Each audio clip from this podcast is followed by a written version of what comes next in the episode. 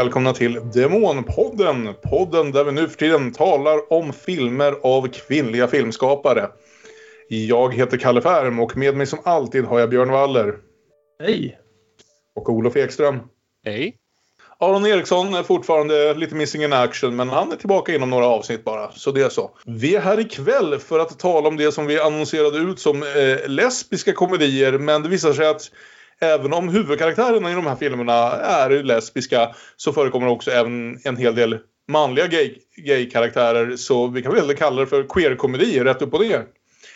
Eh, det är närmare bestämt But I'm a Cheerleader av Jamie Babbitt från 1999 och Dyke Hard av Bitte Andersson från 2014. Som är en svensk film ska vi tillägga där, vilket kanske inte är helt tydligt av vare sig filmens eller regissörens namn. Den, den svenska titeln är Titta vi flatar. Precis, den fick jag också Oerhört i roligt. undertexterna. Ja. Även, om, även om det är ju en film där det talas engelska och den, den, det släpptes väl framförallt under Die Hard även i Sverige men det finns ju som alternativ titel. Ja. Titta, Ja, vi pratar om. det är någon, någon slags undertitel eller något i alla fall. Den dök definitivt upp. Överhuvudtaget ska jag säga så här att det var en film som jag såg. Den det talas ju engelska i filmen men jag såg den med svenska undertexter och det var en hel del intressanta översättningar och saker och ting. Men vi kommer till det. För vi tänkte väl börja kvällens diskussion med eh, den andra filmen. But I'm a cheerleader, som sagt. Av Jamie Babbitt från 1999. Och ja, denna Jamie Babbitt då. Eh, det är väl, vill jag säga, om jag inte minns helt fel nu, eh, hennes första långfilm. Ja, precis. Hon hade debuterat tidigare samma år med en kortfilm som heter Sleeping Beauties. Mm. Så, också med Clea Duvall i en av rollerna som eh, finns på Youtube om någon vill se den. Den är, den är intressant. Ja, men efter det har hon, har hon gjort ett par långfilmer. De flesta kanske inte så värst uppmärksammade. Jag minns The Quiet för att man... Äh, äh, den dök upp i en era där man fortfarande tittade på lite tonårsskräck hit och dit. Eh, men jag minns den inte som något särskilt bra. Utan hon har väl framför allt hållit sig eh, inom tv efter den här filmen. Och där har hon ju gjort avsnitt av i stort sett varenda serie man någonsin har tittat på höll jag på att säga. Det är en helt otrolig eh, lista med tv-serier som hon har jobbat på. Eh, kanske mest utstickande för min del eh, Gilmore Girls där hon gjorde nästan en, typ vart femte avsnitt eller någonting så hon jobbade massor på den. Eh, vilket känns liksom kanske lite i linje med ändå stämningen med den här filmen. Och även en hel del andra saker som jag gillar inklusive ja, Nip-Tuck gillar jag lite hit och dit. Eh, Silicon Valley tycker jag är ganska kul. Och så nu här på sistone då, Russian Doll. Som ju delar en huvudrollsinnehavare med kvällens film. Hur som helst, i den här filmen, But I'm a Cheerleader, så möter vi Megan, spelad av Natasha Lyon. Hon är en eh, cheerleader i eh, high school. Och hennes föräldrar och vänner börjar ana att något är lite av. Hon tittar lite väl intensivt på sina kvinnliga vänner under cheerleading practice. Hon verkar inte tycka riktigt tillräckligt mycket om att hångla med sin pojkvän och hon har dessutom inte släppt till om man så vill. Hon har bilder på flickor istället för pojkar i sitt, eh, i sitt skåp på skolan. Så, en dag de kommer hem från skolan så har alla samlats till en så kallad intervention där de berättar för henne att de misstänker att hon kanske är lesbisk. Och att de har eh, anmält plats på, åt henne på ett sånt här readjustment camp. Eh, dit man helt enkelt skickar barn som hemskt nog kanske kan ha fått för sig att de är homosexuella för att de ska komma på bättre tankar. Och väl där så visar det sig att det här lägret verkar funka precis lika mycket eh, som de vill försöka få en att sluta tänka homosexuella tankar så är det väl fullt möjligt att de snarare uppmanar till ännu fler homosexuella tankar med tanke på att man träffar fler liksinnade. Och, så det är ju liksom en satirisk komedi då som eh, jävlas lite om den här helt galna idén som finns säkert i fler länder men mest uppmärksammat i USA om, om liksom kristna läger där det kan dras ur en och förändras eh, vilka människor man väljer att älska. Och det är ju, om vi säger, det här är ju en verkligt seriös grej som fortfarande händer i USA Oh, ja. en hel del och i andra länder också. Och det här är väl kanske inte den mest seriösa behandlingen av det men det är ju också lite grann poängen som Jamie Babbitt ville göra med den här filmen. Att efter ett 80 och 90-tal där den lilla queerfilm som överhuvudtaget existerade väldigt ofta var väldigt seriös alternativt väldigt, väldigt underground Mm. så ville hon helt enkelt göra en gay motsvarighet till Clueless. Hon ville göra en pastellig, rolig komedi som drev med allt det här. Som drev med både liksom reaktionen på det men också på liksom, inte bara på själva den grejen utan på hela idén om fasta könsroller och fasta, eh, ja vad ska man säga, genderroller och alltihopa. Mm. Och det kan man ju verkligen säga att den här filmen gör. Absolut. Speciellt, speciellt för att vara från 1999. Ja, exakt. Den känns i vissa så, lite före sin tid. Och just jämfört med Clueless var väl ganska passande. Clueless som var den allra första filmen vi pratade om i hela den här säsong två om kvinnliga filmskapare. Och jag menar, tonen slås ju an ganska kvickt. Eh, I just det här, de, som du säger, de här pastelliga färgerna. Att allting är ganska överdrivet. Man skulle nästan till och med kunna säga sketchartat. Eh, men, men det är också väldigt väl fångat av ett gäng ganska skickliga skådisar. Många som man eh, nu för tiden skulle jag säga känner igen men som många som var lite mer okända då. Kanske inte minst då Natasha Lyon som ju hade varit med i gamet ett tag även om hon var ganska ung. Eh, Jag tänker på den allra första gången jag såg henne måste ju varit i Woody Allens musikal Everyone Says I Love You där hon är den i ensemblen som faktiskt berättar historien och har berättarrösten under hela filmens gång. Just Eh. Okej, så Ja. det är något år innan detta kanske? Ja, det är ett par år innan det här, precis. Eh, och sen ungefär samtidigt som det här så blev ju hon även en del av American Pie-gänget och var med i Mm. alla fall ett par av dem. Så hon är förmodligen den som man känner igen bäst vid tillfället. Men det dyker ju upp folk precis hela tiden här som om, framförallt om man är en flitig tv-tittare förmodligen känner igen. Jo, precis. Det första igenkännbara ansiktet vi ser är ju, är ju faktiskt Michelle Williams. Ja, precis. Som är med i en liten jävla biroll här som en av eh, Megans kompisar då. Någon sorts, ja en av cheerleaders helt enkelt. För filmen börjar ju med väldigt dröjande bilder på cheerleaders som hoppar upp och ner. Och man Studs- tänker väl först... studs- Studsande delar av kvinnokroppar som man tänker. Ja, Och det är väl, Först tan- blir och det är väl tanken att på, vi ska... på vem det här ska tilltala. Men det är inte bara för att vara vad ska vi säga, tilltalande för tittaren utan även för att visa Utan för oss vad, det är vår, hur, vad, precis vad vår Ja. huvudperson in, intresserar sig för.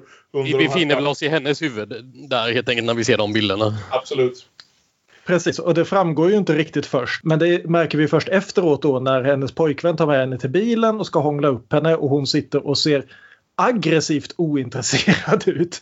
Ja, och Det är så- så här, ja. direkt hemska nästan liksom första personsbilder av den här jävla tungan som bara attackerar på det Ja. minst attraktiva sätt tänkbart. Samtidigt som hon då flashar tillbaka till de här öppningsscenerna och vi inser, jaha det var hon som såg det där. Ja, ja. Och det är rätt precis. snyggt gjort faktiskt. Ja, Och- och jag- det. Och jag tänker också direkt här att om inte Natasha Lyon hade råkat på en del personliga problem och fått pausa sin karriär i tio år Mm. eh, så hade hon ju kunnat bli en av de stora komedienerna. Alltså, för hon är ju strålande i många scener här. Alltså hon är ju fantastisk nu för tiden igen när hon kommer tillbaka. Jag har precis, Ja, sett, de, jag har precis sett de sista säsongerna av Orange is the new black som är en alldeles utmärkt serie för just att visa på liksom kvinnliga skådes många olika typer av kvinnliga skådespelerskor och vad de kan. Och hon är en av de absolut roligaste och mest dramatiskt påverkande i, i hela den serien. Eh, Så, så jag tycker hon är ganska... Och jag har alltid tyckt om henne, måste jag säga. Däremot så har inte jag riktigt koll på varför hon behövde pausa sin karriär så som du har. Men det... det Eh, senare. droger framförallt. Okej. Det, Skönt att, skönt att hon är tillbaka Ja. och har nu huvudrollen igen i... eh, Som sagt, efter Orange is the new black så har hon ju startat upp den här Russian Doll som är väldigt väl emottagen och som ju fick sin andra säsong covid försenad nu. Men förhoppningsvis kommer tillbaka.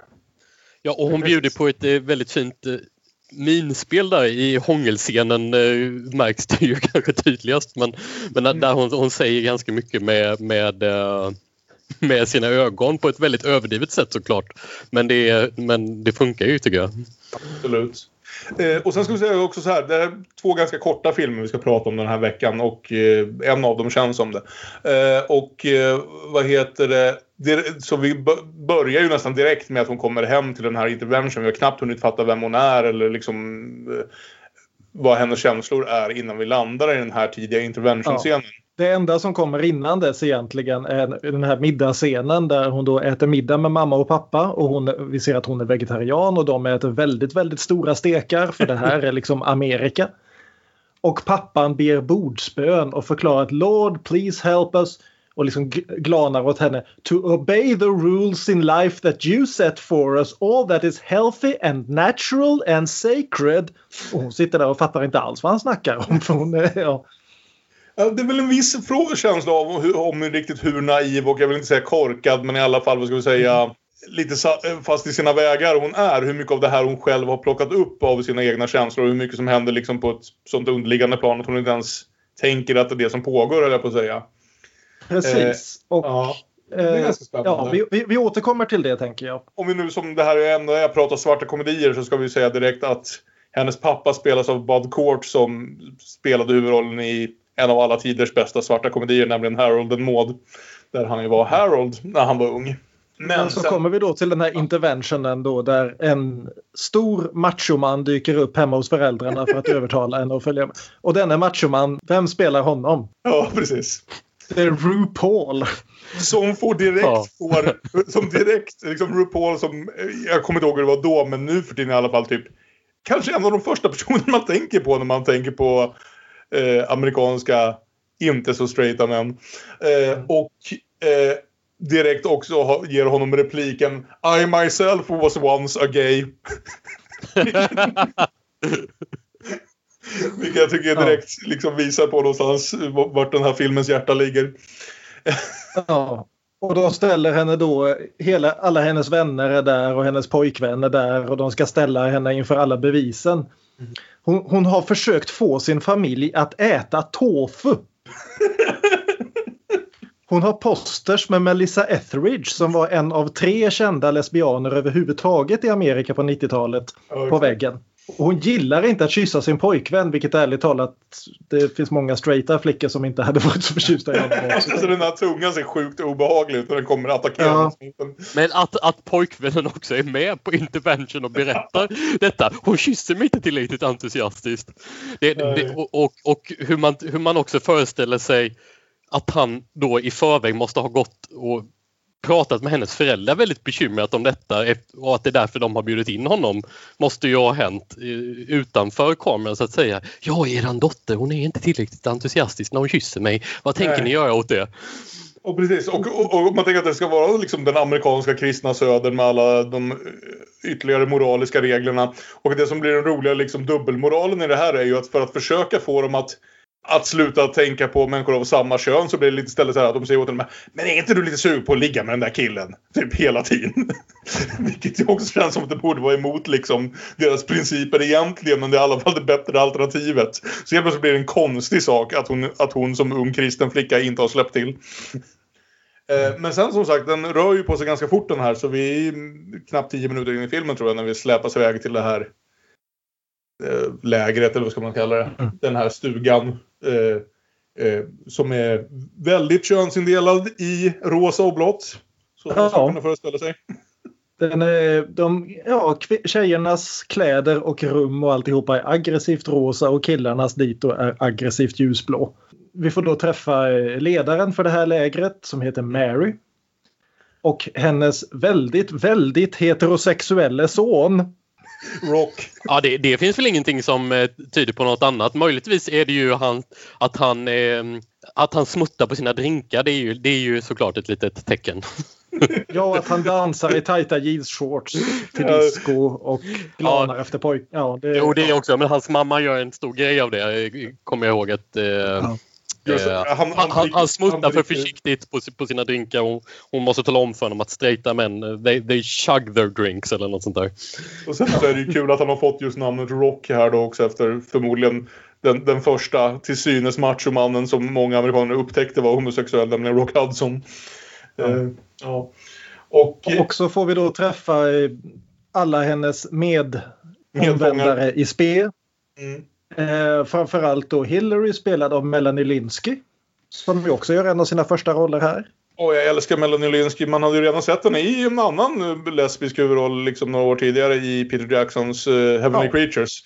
Eh, Mm, och det är kul, jag tänkte på det här att de har låtit henne, utan att förklara det, behålla sin, vad heter det, sin nyzeeländska Ja, dialekt.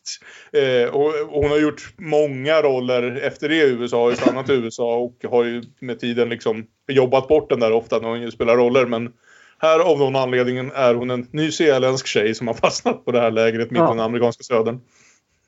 Och, och så då Graham spelad av Clea Duvall som ju också har blivit lite av en ikonisk gay-skådespelare. Hon, hon är den- en av de få här som faktiskt är gay på riktigt ska man säga. Det är Ja. väldigt många straighta flickor som spelar gay här men det, ja. Det var ju så det var på den Eh. tiden. Vi brukar bara bli lite försiktigare med sånt nu för tiden. Ja, och Clea Duvall har ju gått vidare till att bli eh, regissör på... Eller vi såg henne först i Buffy faktiskt. Ytterligare en gammal... Det är ju två, det ska säga det, i det här i Ja. tjejrummet som dyker upp är det ju två olika Buffy-skurkar. Vem är, den, vem är den andra då? Eh, dels är det ju Clea Duvall som spelade den osynliga tjejen i säsong 1. Men sen så Ja. är det ju också Catherine Town som spelar Sinead, hon som är mest goth-tjej i det här. Eh, spelade ju vampyren Sunday som är en av de absolut bästa bara en gång-skurkarna. Ja. Ja, på campus. Ja, Jag vill i alla fall nämna det att Clea Duvall har ju regisserat två helt okej filmer på senare år, nämligen The Intervention med Natasha Lyonne i en av huvudrollerna och sen då Happiest Season nu i julas. mm, just det. Som också är en helt okej komedi. Ja, men jag förstod att den Eh. ganska trevlig. Mycket skådisar jag gillar i den. Den är aggressivt trevlig. Den, Ja. den, är, den, är så, den är så jävla genomtrevlig att man nästan önskar att det fanns en gay agenda som faktiskt ville förstöra den amerikanska eh, kärnfamiljen. Ja, hur som helst. Vart var vi? Jo, de, de träffas alla de här och hon får gå på sin första eh, eh, gruppterapi. Som i princip går ut... Det här är, hela den här grejen är uppdelad i steg får vi Ja. veta. Via neonflashande skyltar på skärmen. Och steg ett är erkänn att du är homosexuell. Mm. Och Vilket alla andra, hon är, hon är en dag sen in så alla andra har redan tagit sig igenom det här steget. Hon sitter där ensam nu och är den enda i den här gruppen som väl är, vad är de? De är typ fem tjejer och fyra grabbar eller något. Eh, Som inte har kommit till det här steget än. Hon är lite för sen. Hon är lite försenad helt enkelt. Och som sagt, det här är intressant då hur den här gruppen är fördelad. För att vara 1999 så känns den väldigt varierad. Det, det är en viss mångfald här. Det är folk i liksom hela spannet av eh, maskulinitet till femininitet. Det är, och alla är inte vita heller, vilket bara det är en chock 1999. Och det är så här, förresten, vi har, inte, vi har glömt vissa av de här grundläggande frågorna vi brukar ställa. Nämligen var det någon som var bekant med den här filmen tidigare? Jag Jag hade tror aldrig att det sett var den förut. Men Du hade inte sett? Nej. Jag tror att det var första gången jag såg den men sen var det vissa saker som kändes bekanta som fick mig att tro att jag hade sett den men troligen har jag inte det. Den togs upp ganska flitigt i Women Make Film. Om, om ni faktiskt såg igenom den. eh, Ja, jag till såg slut. hela den ja. Så att Ja, det kanske var ja. därifrån då. Ja, precis. För den, där togs ett par scener upp. Inte minst de här, eh, vad ska vi säga, den här mest nästan övertydliga komediscenen som ändå är väldigt, väldigt rolig när de får börja gå in och göra alla de här könsspecifika, lära sig göra könsspecifika uppgifter som att tjejerna Ja, ska lära sig sant, ja. dammsuga Ja. och killarna ska lära sig fixa mecka bilar eh, och allting bara blir så extremt gay. Step vis. 2. Rediscovering your gender identity. Precis. Så tjejerna ska sitta i pastellrum och lära sig skrubba golv med bara händerna och killarna ska byta olja på en bil. Shove it in, take it out. It's a muscle into it. Shove it in and out. Precis, bara det att äh, på något sätt så är all, alla vad heter det, mekaniska redskap extremt fallosformade och tjejerna står och diskar med eh, diskborstar som är formade som, ja, eh, de kvinnliga organen och andra saker och allting blir på något sätt extremt överdrivet gay hur de än gör. Det här. Jo. Det är ju en av de bero, alla, alltså liksom, man kan tycka lite överdrivet men jag tycker överdrivet på precis rätt sätt. Jag tycker det blir hysteriskt jävla roligt ändå. Liksom som sagt, RuPaul ska försöka visa sig vara en riktig manlig man som kan, eh, vad heter det, hugga ved och... Precis. Ja. Bara att han gör det här i liksom kortkorta jeansshorts och böjer sig fram väldigt mycket. Och de här pojkarna som ju, om de inte var förvirrade över sin sexualitet nog innan så är de det definitivt efteråt. När den här mannen Ja. som säger var inte gay bara gör allt väldigt, väldigt, väldigt gay. Och hela Och tiden vi har- på, på, på pojkarnas eh, le- lektionsmoment så springer föreståndarinnans son omkring och fläker ut sig som någon Tom av Finland-karaktär. eh, och gör ju inte det lättare för de stackars pojkarna. Nej, precis. Och, och vi får också scenen då där alla ska berätta vad det var som gjorde dem gay. Det är en fascinerande Eh. Nå- något trauma i barndomen som gjorde att de blev gay. Och till, till skälen hör då bland annat till exempel My mother got married in pants. I, was bo- I was born in France. och I had a traumatic bris. Men i det här ska de i alla fall göra övningar i par som lär, där de lär sig vad, identifiera en riktig kvinna och en riktig man utifrån sådana här flashcards. Och då blir ju då Meghan och Graham ihopparade. Och Meghan är den här pastellfärgade, oskyldiga, glada flickan och Graham är den svarthåriga, sarkastiska, antisociala människan. Ja, och vi ska säga så här, det skiljer sig otroligt mycket från person till person på det här lägret. Eh, vilka som kämpar emot och vilka som på något sätt har gått med på de här spelreglerna. Allihopa tillnärmelsevis med undantag för möjligen typ en person eh, är ju uppenbart gay och verkar veta att de är gay och väldigt få där vill, vill nog faktiskt ändra på det utan det är hit, dit tvingade. Men vissa går i alla fall med liksom på reglerna och så vidare medan andra kämpar emot. Eh, Graham och hon Sinead verkar inte ha några större planer på att faktiskt ändra sina livsstilar utan de tänker väl möjligen spela med bara för att göra sina föräldrar nöjda så långt det går men de tror nog inte att det här faktiskt kommer förändra någonting för dem. Nej, men, men, men det stryks ju också under då i Step 3, Family Therapy. När Ja. föräldrarna kommer förbi och ska eh, höra hur det går med dem då. Att ett antal av föräldrarna som har skickat hit dem naturligtvis, där du skickar inte ditt barn till en gay conversion camp för att du tycker att de ska lära sig flörta med samma kön. Är väldigt bestämda över att det här jävla dumheterna ska vi ta ur dig till vilket pris som helst. Får ju tänka på att de är ju minderåriga hela gänget här också. Det är Mm. inte som att de har något val. Nej, precis. Och här upptäcker ju då Meghan vad hennes rot till hennes homosexualitet var, nämligen att det var ett år när pappa var arbetslös och mamma måste jobba och då blev hon förvirrad om könsrollerna. Mm. Jobbigt. Eh, men, men, jag, men jag tycker just det där är intressant och jag tänker det här är väl lika god punkt att ta upp det som något. Just hur liksom queerfilm har utvecklats ändå på 20 år. Mm.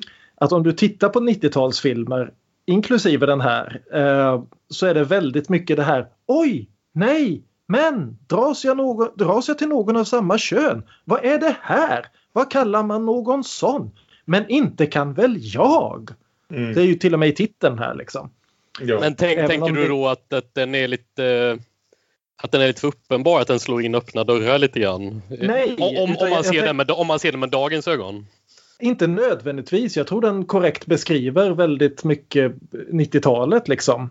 Men just det att just eftersom det var så få representationer i liksom allmän popkultur, i kultur etc. etc. Även i liksom undervisning etc. Mm. Att det var något väldigt udda. Det var väldigt mycket outsider att vara gay på 90-talet. Ja, jag vill säga, vilken, vilken, det här är ju bara något jävla år eller ett par år kanske efter att, vad heter det, Ellen DeGeneres-serien startade som någonstans Ja. alltid ses som punkten där liksom amerikansk mainstream-publik behövde hantera på vanlig Mm. TV att liksom en huvudperson kunde, kunde vara gay. Eh, Precis. Och, och inte minst då när du ska göra en film om det så var du mer eller mindre tvungen att ha med hela den här komma ut för sig själv-grejen. Mm, Hela, Precis. hela den processen måste gås igenom därför att du måste hålla filmpubliken i handen och gå dem igenom allt det här. mm. Nej, men. Vilket, om du jämför med filmer som görs nu för tiden, även filmer som utspelar sig på tider, liksom tider och det, är ju näst, det känns som att nästan alla queerfilmer nu för tiden utspelar sig förr i tiden. Men då blir det ju liksom, det är en annan grej. Det finns en annan medvetenhet hos både tittare och karaktärer nu för tiden. Ja, och, och det är inte oj vad är det här utan jaha det är jag. därtill också som sagt att just att det, är en, att det är en amerikansk film dels och dessutom såklart en amerikansk film som utspelar sig i en väldigt specifik del av landet. Där såklart det här har varit tabu upp till ja, till vissa delar fortfarande än idag. För jag tänker på när man jämfört med, eh, alltså bara om man, om man tittar på hur liksom Almodovar till exempel hade speglat homosexualitet tillbaka till liksom 80-talet som något som eh, kanske inte alltid var lätt att hantera men i alla fall på något sätt kunde diskuteras mer öppet ända tillbaka till liksom 80-talet. Å andra sidan blev Almodovar inte populär i mainstream förrän han skrev en film om en man och en kvinna som har ett SM-förhållande. Det är jävligt sant. Det är väldigt sant, absolut. Men det man... Men, det men, man ändå, men det är ändå så att de, de filmerna diskuterade det på, ett- på, på en annat sätt så att säga. va, Och med Ja. en viss ja, annan öppenhet. Men det man, det man det är ju det här i... steget att man liksom nästan måste förklara vad, typ, vad det går ut på för någon slags Ja. mainstream.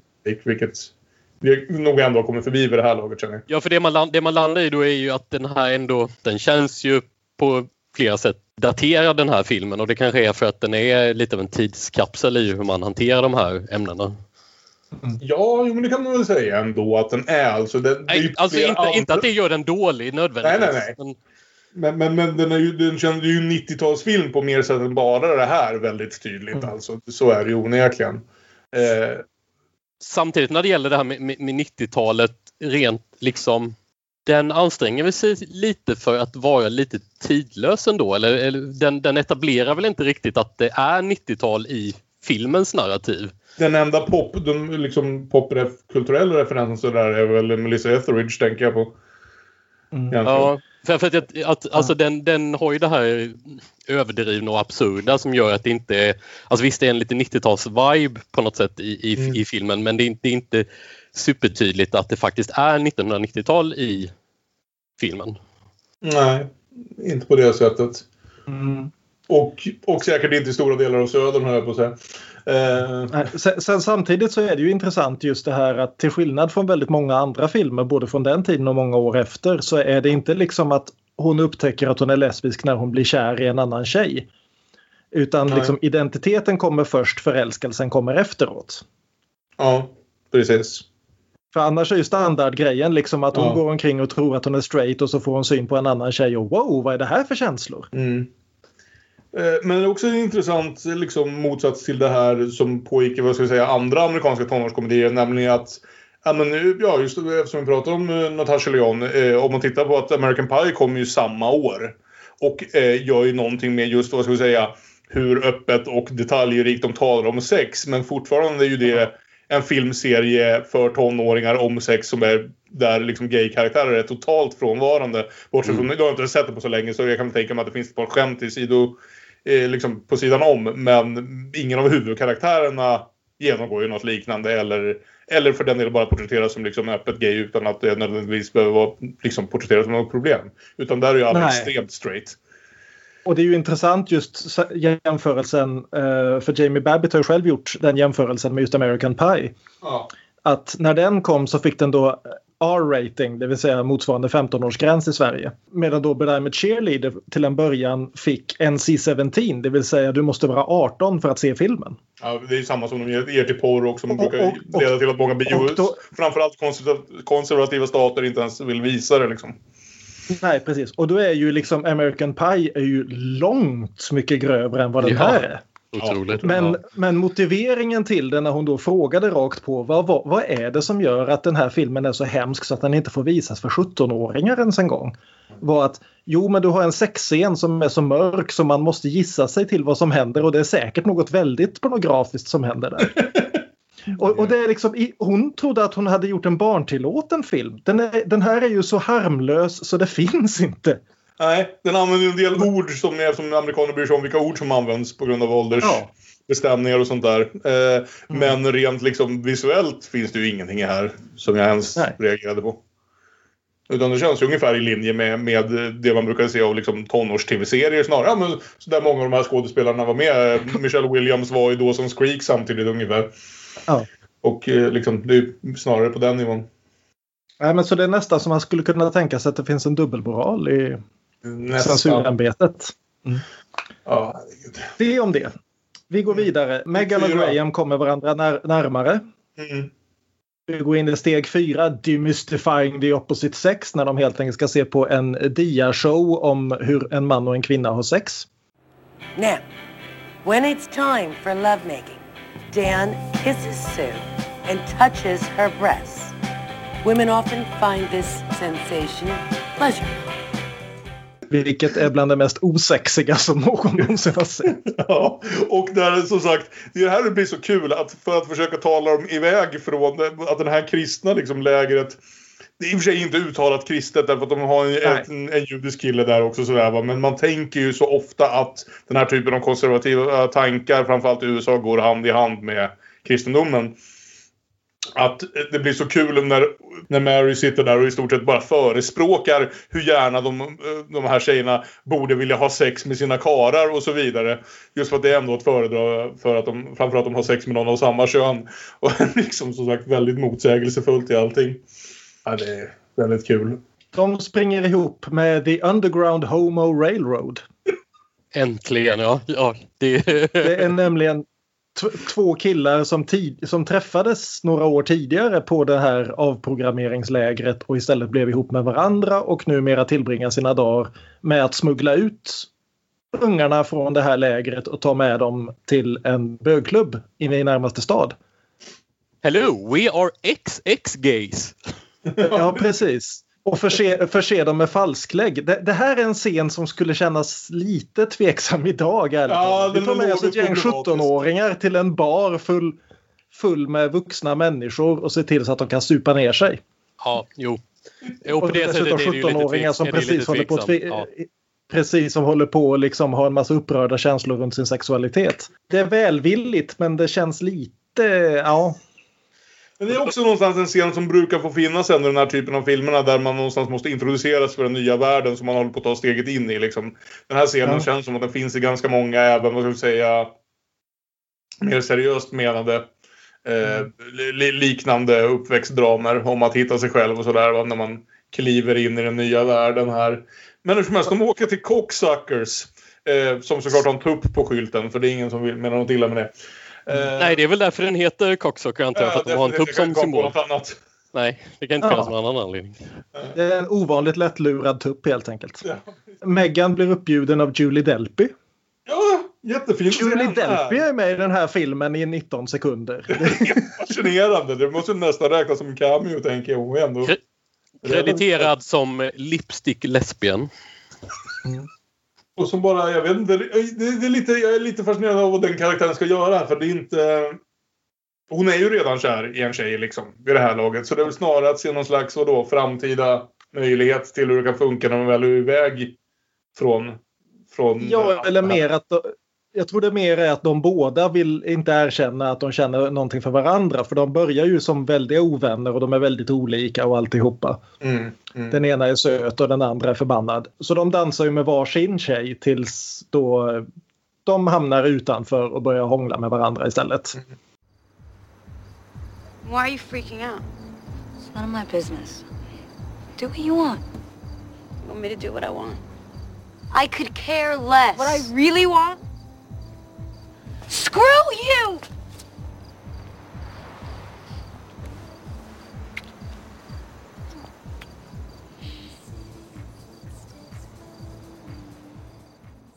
Jag gillar verkligen vad Jamie Babbitt gör med färgerna här. För liksom genom hela filmen, hela det här liksom eh, re-education campet så är de ju, det är bara pastellfärger. Det är bara mm. rosa och ljusblått, inget annat. Och så då hamnar de ute i den här gränden utanför klubben alldeles under den här enorma neonskylten. Så när de väl börjar hångla då är bakgrunden absolut illröd helt plötsligt. Ja. Det, det är snyggt gjort. Ja, absolut. Jo men det är ju en film som har en jäkla massa stil. Jag tror inte den har mycket liksom, budget att tala om men den gör väldigt mycket med det, med det lilla den har som sagt. Den har en sån eh, den har, har gjort ett sånt stilval som funkar väldigt starkt just för, för att parodiera allt det här. Eh, och den har också en ganska snygg balans mellan att vi ändå börjar bry oss om de här karaktärerna och att det är en, vad ska man säga, en rak satirkomedi någonstans som nästan ibland blir lite rent sketchartad med all den här uppdelningen i eh, liksom med, med skyltarna som visar på alla de olika stegen i processen och så vidare. Va? Eh, att de, båda de här bitarna måste funka. Man kan tänka sig, det, det finns ju en film som vi ett tag talade om att eh, dubbla upp med den här. Eh, som är mer, vad ska jag säga, seriös blick på ett av de här lägena. Vad är det den heter nu då? Uh, The Miseducation of Cameron Post. Ja, just det. Som kom här om som året. kom här om året och, och som nästan är en remake på den här ärligt talat. Det är, alltså jag, är bra, jag tycker det är bra att vi inte parade ihop dem för det är nästan exakt samma handling. Okej. Eh, den stora Fast den är skillnaden är... Den är, inte, den är ju inte absurd på det här sättet. Den har väl Nej, en, den har den en är- annan berättarteknik ändå. Ja, det är ju mycket mer ett rakt drama egentligen. Mm. Ja, men och, och som dess, dessutom inte slutar i en kärlekshistoria, vilket det är en ganska bra... Det, är liksom, det handlar inte om att jag blir kär i den där personen utan det är jag är den här personen. Men, det, men den är ju väldigt... Ser man de två det här jag bluddrade om förut, liksom hur, det, hur narrativet har utvecklats på 15-20 år så är ju Miss Education of Cameron Post en väldigt bra jämförelsepunkt. Mm. För där är det liksom direkt att den här 17-åringen som, som blir överraskad med sin flickvän på rummet har inga problem att säga ja, men jag, jag tänker inte definiera mig enligt era eh, etiketter. Liksom. Jag är den jag är och jag gillar inte att kalla mig antingen lesbisk eller bisexuell eller vad som helst. Nej. Hon, hon är liksom redan medveten om hela diskussionen medan Meghan här är väldigt, väldigt den naiva personen som måste få alltihopa förklarat för sig. Ja men exakt, hon är otroligt tagen på sängen. Men det visar ju också på det här som jag menade att det finns en balans i den här filmen. Mellan ena, ena att berätta en ganska, eh, om inte liksom på något sätt dödsseriös så ändå en, liksom en, att vi bryr oss tillräckligt mycket om karaktärerna för att hänga med dem på den här resan och berätta deras historia. Samtidigt som den får in alla de här rent satiriska komediscenerna. För eh, om man drar det för långt åt ena hållet så blir det The Miseducation of Cameron Post och å andra sidan skulle man kunna tänka sig liksom en mer rak sketchkomedi som bara är ute efter att jävlas med och liksom eh, klippa av eh, re- re-education camps eh, jäms med knäna liksom. Mm. Eh, och den här lyckas ju lite någonstans ändå hålla en balans och ändå liksom får båda bitarna att fungera känner jag. Ja. Vi får ju ett av de mest intressanta tycker jag. Eh, Jag är inte helt säker på om det är en bra twist eller inte men det, vi har ju en av de sidokaraktärerna är ju en person som heter Jan. Mm. Som presenteras i visserligen rosa kläder men med mohawk och mustasch. Precis, ja. Och, och är en av de få, som det verkar åtminstone då, icke-binära karaktärer man har sett i film före de senaste två, tre åren egentligen. Det är väldigt liksom, oj, 1999 och där sitter du och en hen. ja. Men på nästa gruppterapi, så, efter att de har varit på den här utflykten, så plötsligt utbrister hon. Men vad fan gör jag här? Jag bara, ni har bara skickat hit mig för att jag ser ut så här. Jag är så straight man kan bli. Jag älskar killar. Jag vill ha en stor fet kuk rakt upp i... Amen sister, ropar någon av killarna. Och så bara åker hon hem. Det är lite Liksom, hon, har, hon har för- kommit hit för att avprogrammeras bara för att hennes föräldrar trodde hon var lesbisk för hur hon såg, ut. Men det är Ja. hon inte. Och sen spelar hon ju softball också. Ja, precis. Men, men jag tycker det är lite synd att den historien slutar där. För det, det är som du Ja. säger, det är en av de mer fascinerande karaktärerna i hela filmen. Och de kastar lite grann bort det. Så det, är Fast, ju ja. Det är en väldigt tight film någonstans. Där. Jag tror den är knappt liksom, den är 1.20 när sluttexterna börjar rulla eller någonting. Den hade nog kunnat ta sin tid lite mer här och där kan jag känna ibland. För det är ändå Det- det- ganska många karaktärer vi lär känna och liksom ska börja, ska börja liksom följa ändå någonstans. Men det här är ett problem som jag har lite grann med den här filmen faktiskt, som ni kommer in på nu. Att det är flera karaktärer som jag inte...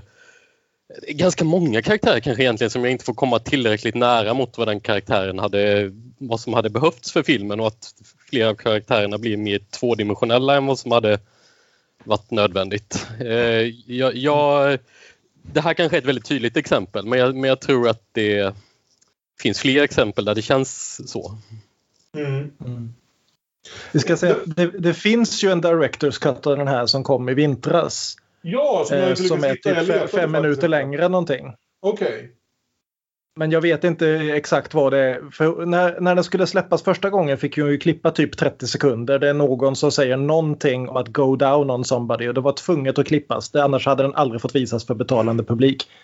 Men eh, i den här Directors Cutten har hon då lagt till en del scener som hon klippte från första början därför att hon tyckte att de inte tillförde någonting. Så att filmen kommer faktiskt upp i hela 90 minuter. Men som sagt, de- den hade absolut kunnat ta lite mera tid att bygga ut sig här. Ja, men jag känner det. För Mm. en av karaktärerna som jag också gillar lite grann för att vi får en massa antydningar av vad fan det är som pågår med henne och jag i och för sig gillar att det är antyds medan sägs rätt ut är ju just Mary som håller i allt det här. Hon är ju väldigt personligt involverad i det här. Naturligtvis mycket baserat på just hur hur, hur det håller på att gå för hennes son som hon har intalat sig extremt straight. Och den som alla tjejer som kommer till lägret ska se upp till som liksom, ja men kolla, om man är heterosexuell då kan man få en så snygg och macho kille som min son. men, men jag gillar överhuvudtaget den karaktären. Jag tycker att hon, vad heter hon nu då? Eh, Kathy Moriarty. Som jag gissar att de flesta, om, om man känner igen henne alls så är det ju för att hon är, spelar den kvinnliga huvudrollen i Raging Bull tillbaka på den tiden. När, när, hon var den, när hon var i, vad heter det, samma ålder som Natasha Lyonne och Michelle Williams och så vidare. Men hon är jävligt bra i den här alltså. Man måste, ha, hon måste hålla en väldig balans för att få det här att kännas någonstans inte nödvändigtvis trovärdigt men inte heller få det att gå, gå, riktigt så långt över toppen att vi inte, att vi inte är med på banan längre. Utan överhuvudtaget blir ju ja. den här typen av filmer en väldig... Det blir så otroligt viktigt att hålla en balans i tonen i den som sagt. Och, ja. Skådespelet, eh, framförallt från liksom Lyon och Ja, och Kath Moriarty skulle jag säga blir nästan de viktigaste liksom, bitarna i det. Vissa av de andra sidokaraktärerna kan spela ut lite mer i ren sketch. Liksom. Ja. Speciellt som den här onda kvinnliga rektorn. Liksom. Det är ju, ja, mm. Man tänker ju liksom Mary Warren av Rock'n'Roll High School och det där. Liksom. Ja. Det hade varit så lätt att spela över den fullständigt och det gör hon inte. Det, det, är en överdriven karaktär men hon spelar den överdrivna karaktären ganska, förlåt, straight.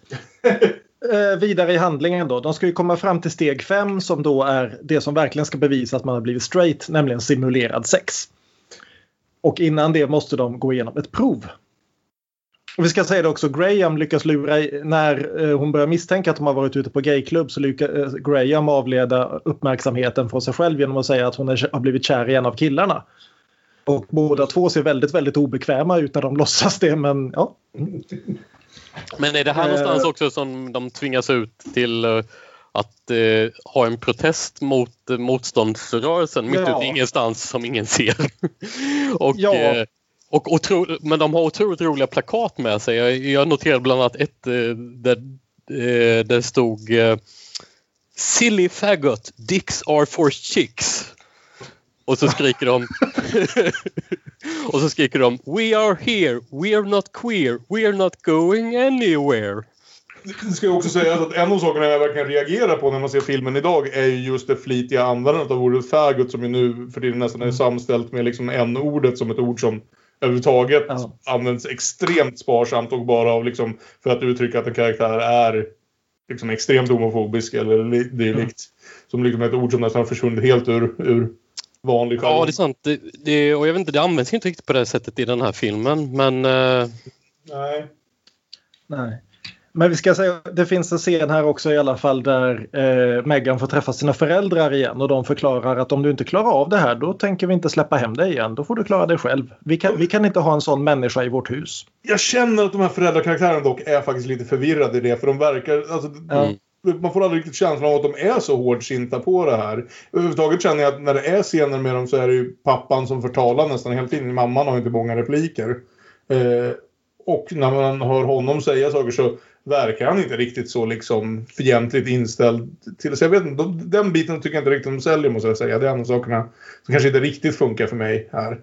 Det, blir, kommer lite, det känns som att det kommer lite från ingenstans som helt plötsligt är så otroligt strikt inställda till att de liksom hellre kastar ut henne än har en lesbisk dotter. Nej, om man jämför med Grahams föräldrar ja, som, ja. som, som mer säljer in att de är hårda föräldrar. Ja. Mm. Ja, nej det är lite konstigt. De, de verkar ju vara lite, ändå lite mjukisar. Visst, de har skickat henne till det här läget. Det tyder ju på någon slags eh, så extrem eh, rädsla för att inte passa in i mainstream-samhället och sådär i alla fall. Mm, mm. Eh, så på det sättet har de ju varit hårda. Men, men, de, men, de, men de har ändå en ganska mjuk attityd rent generellt. Ja, men, men de säger ändå det här liksom och hon tror ja. dem ju uppenbarligen dessutom. Mm. Jo, jo, nej, men jag förstår vad Kalle menar. Det, ja. ja. Men hur som helst, vi har, vi har prov på alla de här grejerna. Killarna hugger ved så det stänker om det, tjejerna skurar golv. Och alla utom en av killarna klarar sig. Han ska skickas hem för han har inte lyckats bli straight. Och det, det har framgått i alla hans scener att han kommer aldrig att lyckas vara straight. nej, nej. Och han, när de andra försöker sympatisera med honom så skäller han ut dem efter noter att The last thing I need right now is some fruit who just proved he's straight telling my ass how sexy I am.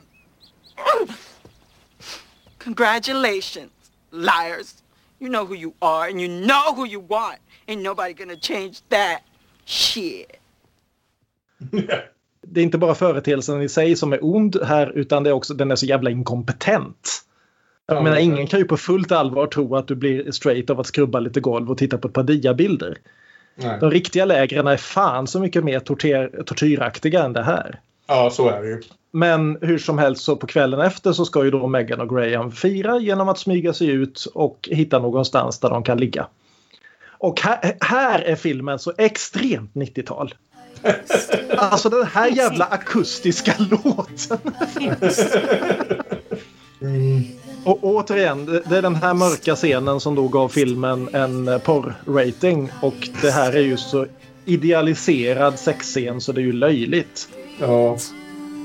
Ja, det är ju inget vågat eh, med detta mer än att de är av samma kön då, möjligen. Ja, precis. Om man Jag, jag, tror man, jag tror man ser en halv, halvnaken mage vid ett tillfälle. Det är liksom så sexigt det blir. Det är ingen, ingen dålig scen på något sätt men det är en extremt soft och idealiserad sexscen. ja, verkligen. Eh, men de blir ju påkomna då. Och Meghan får ultimatum att antingen så låtsas hon bli ihop med Rock. Eller hon ska väl att hon må- måste göra det här simulationstestet. Om vi säger så här. Ja. Eh, Mary är väldigt eh, sugen på att få med sin son Rock i alla de här sexsimulationerna för att han, hon ser väl det som ett undermedvetet om inte annat som ett sätt att även få honom att eh, vända sig åt rätt håll. Om han bara Ja. ska få testa och simulera lite sex med de här unga tjejerna. Så, eller så är det bara att hon tänker på honom som, som den manligaste möjliga personen som kommer ställa upp på något av det här. Eh, så jag- att om, inte, tror- om inte han... Ja, Ja, jag tror nog hon framförallt vill det för hans skull. Liksom. Hitta Mm, precis. någon tjej som är villig att låtsas att den här killen är straight. Och hon säger ju då det rakt ut också. Vi har ju redan hört att dina föräldrar säger att antingen klarar du det här eller så blir du hemlös. Mm. Och, men hon klarar inte av att göra det utan hon säger nej och så istället så går Graham med på det därför att hennes föräldrar är faktiskt ännu hårdare och hon har ännu mer att förlora. ja exakt. Så Meghan blir utkastad och åker hem till eh, ex-gays. Ja, precis. Det är exakt case. Och återigen, apropå det här med naiviteten, börjar liksom fråga ut dem. Hur beter sig lesbiska? Hur klär de sig? Var bor de någonstans? Where can I find a lesbian? To be... Och de får liksom förklara för henne där de sitter liksom i kamouflagekläder och väldigt eh, stiliserade skägg att ehm, det, kan, det där kan inte vi svara på. Det finns inte ett svar på den frågan. Nej, men exakt. Så, så, Och där- Och vi ska säga att där, där är också en av de andra killarna som blev uts- utslängd från lägret tidigare i filmen. Precis. Dolph Ja. som kommer in i en full liksom, regnbågskostym.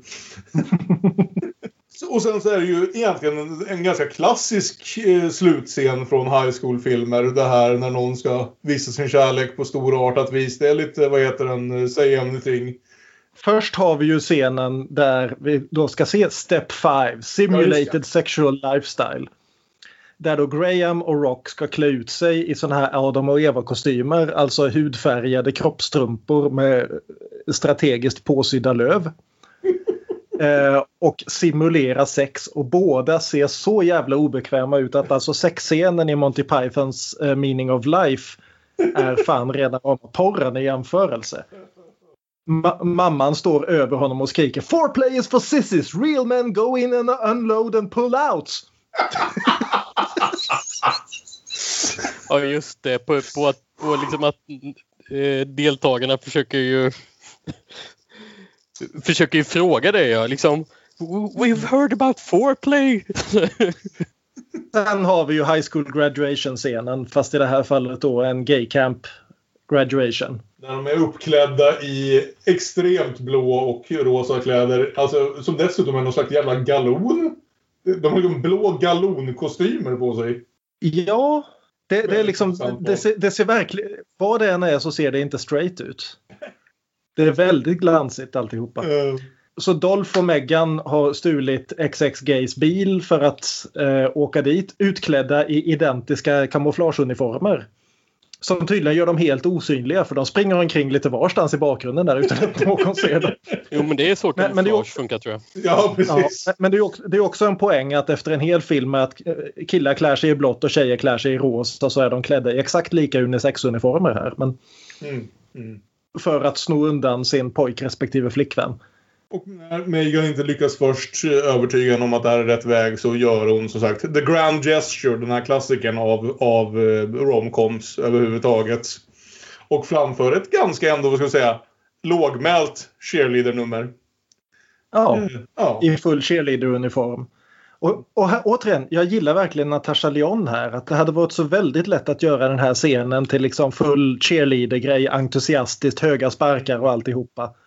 Men hon spelar verkligen, efter liksom en ganska bred komedi i stora delar av den här filmen, spelar hon verkligen den här scenen exakt så jävla sårbart som man tänker sig att läget skulle vara. Mm. Där du står liksom inför alla de här eh, ungdomarnas föräldrar som tittar på sina lyckligt straighta barn och så ska hon stå där och få sin flickvän att följa med henne och hon är livrädd och det syns. Men hon gör det.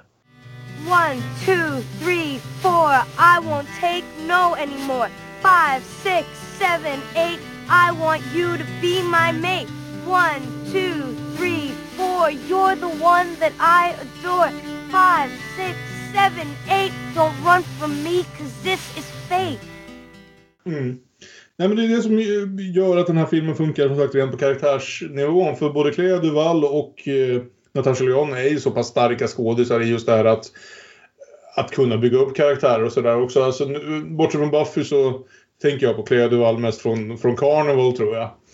Eh, där hon ju också, alltså, hon får ju ofta hon får ju en sån skådis som har slandat lite någonstans i en typ. Hon har ju lite det här tomboyish utseendet som gör att hon ganska ofta ändå spelar ganska snarlika karaktärer men då har hon samtidigt hittat ett sätt att, att få fram ett jävla djup i dem. Och jag, jag vet inte, hon är, hon, är, hon är en annorlunda typ ofta i de här filmerna just därför att vi brukar veta hur amerikanska tonåringar ser ut och beter sig. Och Clea Duval stämde aldrig in på dem liksom i de mallarna.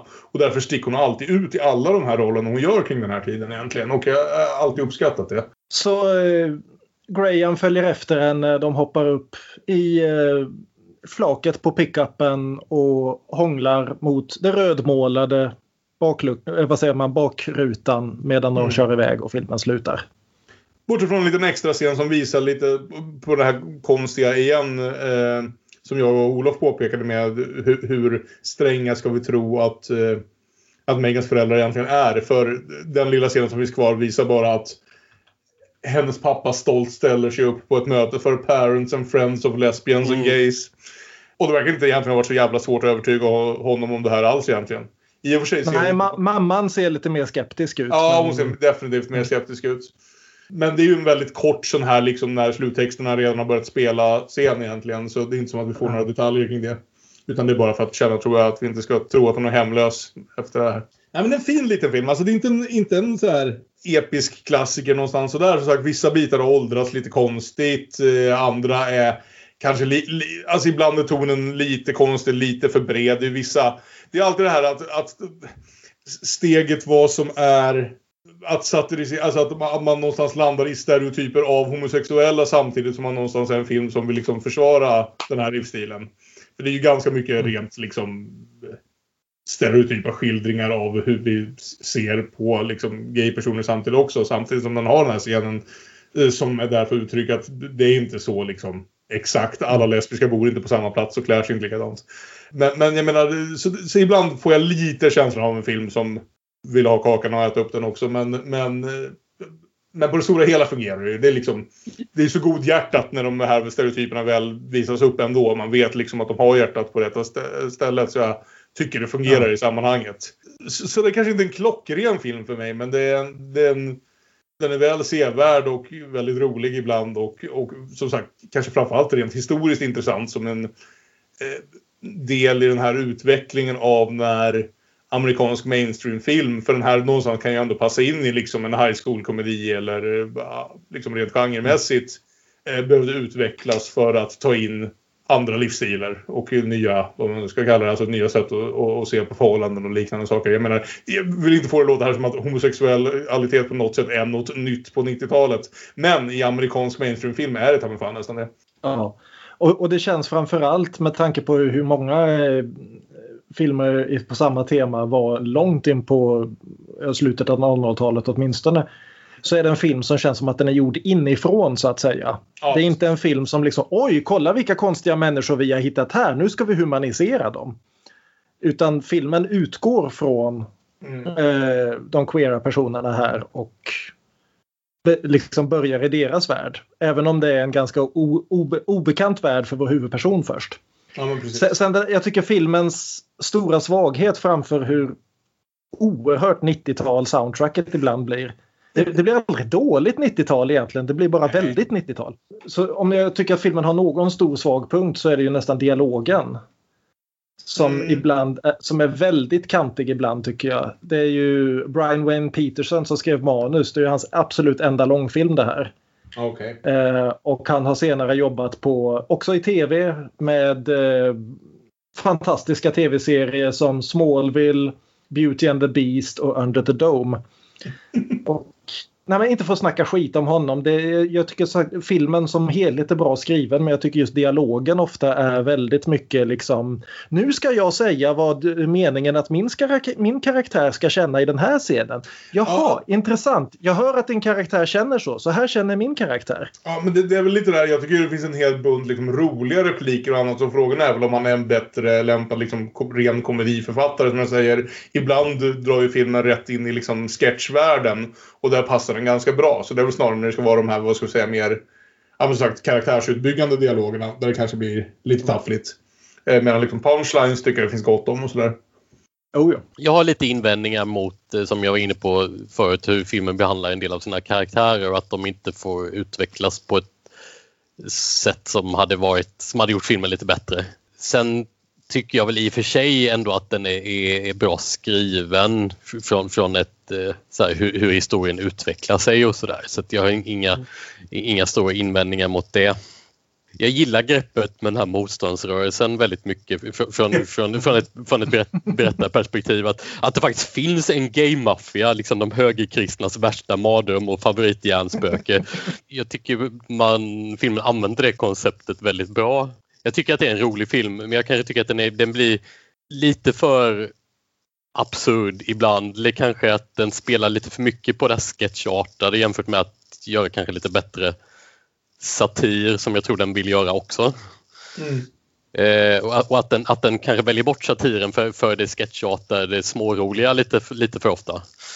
Eh, men, men att jag ändå tycker att det här är en otroligt charmig film. Ja. Ja, men med det sagt om det så kanske vi kan lägga Jamie Babbitts But I'm a cheerleader bakom oss och gå vidare till kvällens andra film. Bitte Anderssons Dyke Hard från 2014. Eh, en film som jag aldrig hade hört talas om i hela mitt liv innan vad heter det, Olof föreslog den på det här temat. Och det var ju, ska jag väl säga utan att säga för mycket, en intressant upplevelse i alla fall. Men jag känner också att jag kanske är den i rummet som är minst lämpad att tala runt om den här filmen, vad det är för något och hur den kom till och så vidare. Utan det verkar som att eh, både Björn och Olof som dessutom hade sett den förut har lite bättre koll på allt sånt. För mig var det här en helt ny upplevelse. Ska jag börja med att sammanfatta handlingen? Ja, varför inte det? Eh, någorlunda och så tar vi det därifrån sen. Ett gäng kompisar bestämmer sig för att starta ett lesbiskt popband, Die Hard. Samtidigt som en cyborg reser tillbaka från framtiden för att sätta stopp för det hela. Bandet får en stor hit men möter diverse missöden. Eh, det går trögt med att få spelningar. Det framkommer också att bandet har en ärkefiende, Moira, som skickar en massa djävulskap i deras väg. Bandet ger sig ut på en roadtrip, blir misstänkta för att ha mördat en pensionär och hamnar i fängelse, till och med på death row. Men eh, Hannibal Lecter kommer lös från sin isoleringscell och skapar panik. Ett upplopp bryter ut i matsalen Bandet rymmer från fängelset för att ta sig till Battle of the Bands i Globen för att återupprätta sin ära. Men Globen är dubbelbokad med en MMA-tävling. Kommer Die Hard att få spela i tävlingen? kommer de att övervinna cyborgen och ett ondskefullt rollerderby-gäng som Moira har skickat i deras väg. Det var nog en bättre sammanfattning än vad jag fattade av att se filmen, höll jag på att säga. Så det, det är starkt jobbat. Ja, vad är då Eh, det här lite- för en film på det mer, vad ska jag säga, mer på ett makroplan? Vad, vad, Ja. Vadan är detta? För det är ju inte en, en film som alla andra kan vi väl inte säga Nej, nödvändigtvis. På sätt och vis så är den ju det, för den faller ju in i en ganska fin svensk tradition här tycker jag av den här liksom klassiska VHS-splatter-komedin. Mm. Eh, jag, jag tänker på filmer som Evil Ed, Ja, det eh, den The första filmen, det var den Zombiejäger, första filmen jag direkt tänkte på var Evil Ed. eh, Hu- Housewife Alien vs Gay Zombie som kom här om året och som Ja. man, man bör se av Andreas Samuelsson. Väldigt bra film. Ja, eh, han, Ja, gör för precis. övrigt, Ja, han gör, det- han det gör för övrigt en liten blink and you miss it-roll i, eh, i den här filmen, Die Hard. som är ju det här liksom. Vi gör en actionfilm på engelska därför att actionfilmer är på engelska och så får vi alla våra kompisar att hjälpa till. Eh, Bitte Andersson som ju då egentligen är serietecknare. Även om hon också i sin ungdom har jobbat åt, eller ungdom och ungdom, så jäkla gammal är hon inte, hon är född 81. Men eh, hon jobb, ett av de första jobben hon hade var på Troma Films. Och hon har bland annat en liten biroll i den klassiska filmen Poltergeist, Night of the Chicken Dead. Men det här, var, det här är då hennes första och hittills enda långfilm. Eh, I extramaterialet som finns på DVDn frågar hon skådisarna vill ni göra en uppföljare till den här? Då säger ja! Och hon säger hjälp, det vill inte jag. eh, nej men så bakgrunden till den här filmen är helt enkelt att hon och hennes kompisar älskade två sorters filmer. De älskade genrefilmer, skräcksplatter, action, sci-fi. Men tyckte att alla sådana filmer var alldeles för straighta och manliga. Och sen så älskade de eh, queerfilmer men tyckte att alla sådana var alldeles för seriösa dramer om problematik. Så de ville helt enkelt ta favoritdelarna av bägge grejerna och slå ihop. Och till en början så hade de tänkt bara göra ett gäng fake trailers, lite Grindhouse-idén. Mm. Men det visade sig att, att bara göra en fake trailer var nästan lika mycket jobb som att göra en långfilm. Så hellre än att ta liksom och göra alla de här trailrarna så slog de helt enkelt ihop dem till en enda lång film. Det är därför den här filmen kanske har lite väl många eh, plot points ibland kanske. Eh, Det, jo, det är bokstavligt talat ett halvdussin filmer igen. Ja, jo, det, alltså, det känns ju ganska mycket som liksom ännu mer än uh, But I'm a cheerleader, att det känns som liksom mer eller mindre en Ja. sketchshow ibland. Alltså. Alltså man- på, ett och- sätt, eh, på ett sätt är det ju en, eh, finns det ju en övergripande handling som egentligen är väldigt enkel. Men det är ju också som att, ja det är ju en massa plot points att filmen börjar och slutar flera gånger. Kan man ju få en känsla av. det, är- det är ju en struktur för att hänga upp liksom. Alltså det är ju därför bland annat är det en road movie. Va? Därför att en road movie är ett klassiskt sätt att hänga upp det här när du egentligen vill ha ett flertal olika episoder så att säga. Va? Mm. Eh, att, att, att göra det. Sen så kanske det görs snäppet taffligare än de bästa exemplen. Men jag ska inte låta för negativ direkt. Även, jag kommer säkert komma in dit. Men, men ni hade alltså sett den här när den var en ny film fick jag känslan av. Ja, jag är inte helt säker på när jag såg den här först. För jag har DVDn. Och jag vet att jag såg den 2015. Så jag tror inte jag såg den när den premiär, hade premiär på Stockholm Filmfestival 2014. Eh, men det är möjligt att jag såg den då också. Jag vet att jag är ganska säker på att jag sett den på bio. För jag har sett Bitte Andersson hålla något företal till den i alla fall. Det kan ha varit någon annan sån här filmfestival av något slag också. Jag, jag har också sett den eh, någon gång tidigare. Och jag har en eh, sambo som gärna vill att vi ser queerfilmer ihop så jag brukar ofta spara sådana filmer för att se ihop med henne. Eh, och jag tror att hon gillar filmen hyfsat men att det kanske till största delen beror på att hon typ känner hälften av dem som medverkar enligt Ah. egen utsago. Jo, eh, det, det är ju i princip he, hela Stockholms queer community som är med här alltså. Det, Ja. Vi ska säga, Bitte Andersson eh, drev ju också Hallongrottan feministisk bokhandel. Så det är ju liksom runt den bokhandeln som det här började till en början. Hon säger det i någon av intervjuerna också att först hade de bara tänkt att det här skulle bli något kul projekt. Men sen när hon upptäckte hur många hon hade lyckats få med och som alla var så jätteentusiastiska så tänkte hon hjälp, jag kan inte bara pissa på det här och släppa ifrån mig något något som ser riktigt billigt ut. Det här måste vi få åtminstone försöka få till någonting professionellt även om ingen av oss har en aning om vad vi gör. Och det är väl lite så det känns ibland höll jag på att säga. Ja. Som, som både en film som väldigt gärna vill vara en riktig film men som också är lite av en film där det inte känns som att någon vet riktigt vad de gör. Alltså jag, jag, förstår det, att en film som säkert har ännu mer charm om man som Olof då har en viss bekantskap med liksom de som, som är med i den i någon utsträckning och kanske är mer liksom medveten om hur den kom till och så. Eh, för mig så känns det lite som det här känslan av att man, man går inte på liksom skolpjäser om man inte känner någon som är med i dem. Mm. Utan, eh, så, ja, jag, har inte helt, jag har inte helt lätt med den här. Jag tycker den har sina poänger. Eh, jag, vill säga att jag tycker den öppnade så pass taffligt och jag har även, ja, för gå den långa vägen runt. eh, ända sen, vad heter det, jag kommer ihåg typ när man såg svenska politiker på 90-talet och 2000-talet typ skulle ges ut på statsresor eller ta emot några utländska statsöverhuvuden. Och att det var så jävla pinsamt att ingen av dem kunde tala vettig engelska. Och ända sedan dess har det blivit för mig som liksom verkligen liksom naglar på svarta tavlan att höra folk tala halvtafflig engelska med liksom överdrivet liksom med svenska brytningar hit och dit och jag liksom kan inte riktigt med och eh, det är ju bara det i den här filmen. igenom. Ja, det är så... kanske ett lite konstigt val att eh, frågan är hur det hade blivit om de hade spelat in det på svenska istället. Ja, ja vi säger så här, var ofta, men, men, jag, jag, såg den ju som är på engelska, jag såg den med svenska undertexter och jag tyckte ofta att det som stod i de svenska undertexterna faktiskt var roligare. Eh, inklusive då titeln på filmen. Eh, så jag vet inte om det hade blivit bättre Sam, eller sämre. Men, men jag, jag, jag hade cringeat mindre. Samtidigt så tycker jag nästan att den här svängelskan gör filmen nästan ännu mer mellanmjölkig än vad den är. Jag, jag, gillar det någonstans att det är en film som även i sina mest läderbögiga ögonblick känns som någonting som skulle kunna visas på TV4 nästan. Ja, och, det, och det, menar jag, det menar jag positivt att den är, det är rakt igenom en så välvillig och vänlig film. En sån här film skulle egentligen bara kunnat göras i Sverige. Ja, och just det att och, och, genom att du gör alltihopa på svengelska istället för på svenska så drar du nästan mer uppmärksamhet till det. Det är också en av de finaste Stockholmsskildringar jag sett på film på länge. Ja, jag jag, jag satt liksom det, verkligen och checkade av. Hur, några är ju inspelade bara några meter från ditt hus Olof. Ja absolut. Eh, det, och, och, det är faktiskt eh, en av de bästa scenerna i filmen tycker jag och nu hoppar vi runt lite i filmen, det kanske ja, inte gör så mycket. Det, det, är som det, det, det, eh, Men det, det, det är ju en actionsekvens när de har rymt från fängelset och blir ja. jagade av polisen genom en tunnel som är en tunnel som jag går igenom flera gånger i veckan.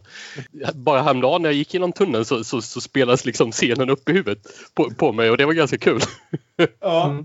Precis efter att jag hade sett filmen och, och det ja det, det, är så väldigt många miljöer som, som jag känner igen som ja men där har jag varit och där har jag varit och det blir, det blir ja. kul eh, när man bor i Stockholm tror jag att känna igen sig på det här sättet. Filmen utspelar sig i princip längs gröna linjen från Skarpnäck in till Nytorget och så med en liten sväng utåt Årsta till. Ja. Det, ja. Samtidigt som den vill ju inte göra det därför att utöver att den är på engelska så är det ju också helt klart att den ska utspela sig någonstans något slags liksom allmän land där vi har dödsstraff och eh, eh, inte finns några riktiga rätt. Alltså den ska inte vara på en verklig plats.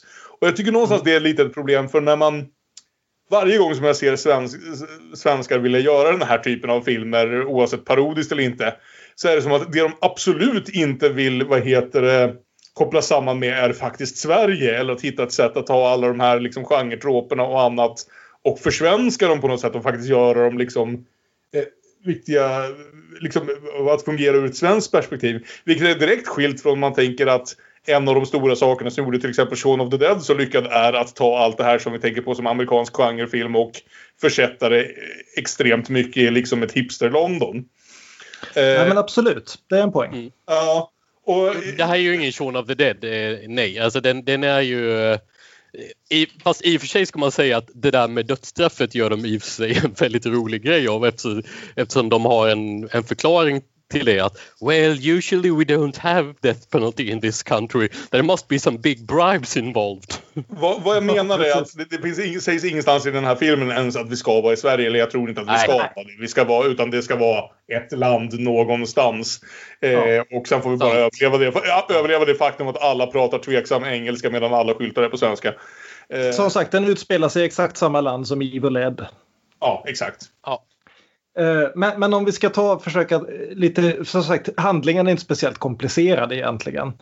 Vi har, vi har då tre kompisar, Peggy, Scotty och Bandito som är mobbade i skolan och bestämmer sig för att bilda ett band var på tuffaste tjejen i plugget Riff hakar på. De blir eh, sensation, får en, säger en hit och sen så sjunker de ner i glömska. Allt det här verkar hända på typ en vecka. Ja, jo. Och sen så är de reducerade till att spela på en klubb som jag är ganska säker är Ugglan vid Nytorget.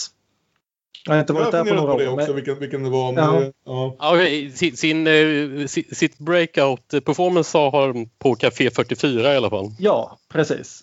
Riff blir så förbannad till slut så hon lämnar bandet. Vi träffar också bartendern Buck som är där bara för han vill... Han är, he's tired of meeting men in bars. He wants to meet men behind bars. Vilket kommer att bli en plot point tror jag. Ja, jo. Så hur som helst, resten av bandet som sagt åker hem till hus- husvagnen där de bor, får veta att de ska bli vräkta. Någon mystisk person bränner ner husvagnen. Trots att de hade till onsdag dagen efter på sig att betala hyran. But Ja. I guess it was technically Wednesday.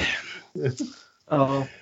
Och, och eh, vi får även sådana här, liksom replikerna är i stil med liksom Scotty håller på att leta igenom askan och upptäcker att alla hennes actionfigures har brunnit upp och ropar Without my action figures, my retirement funds are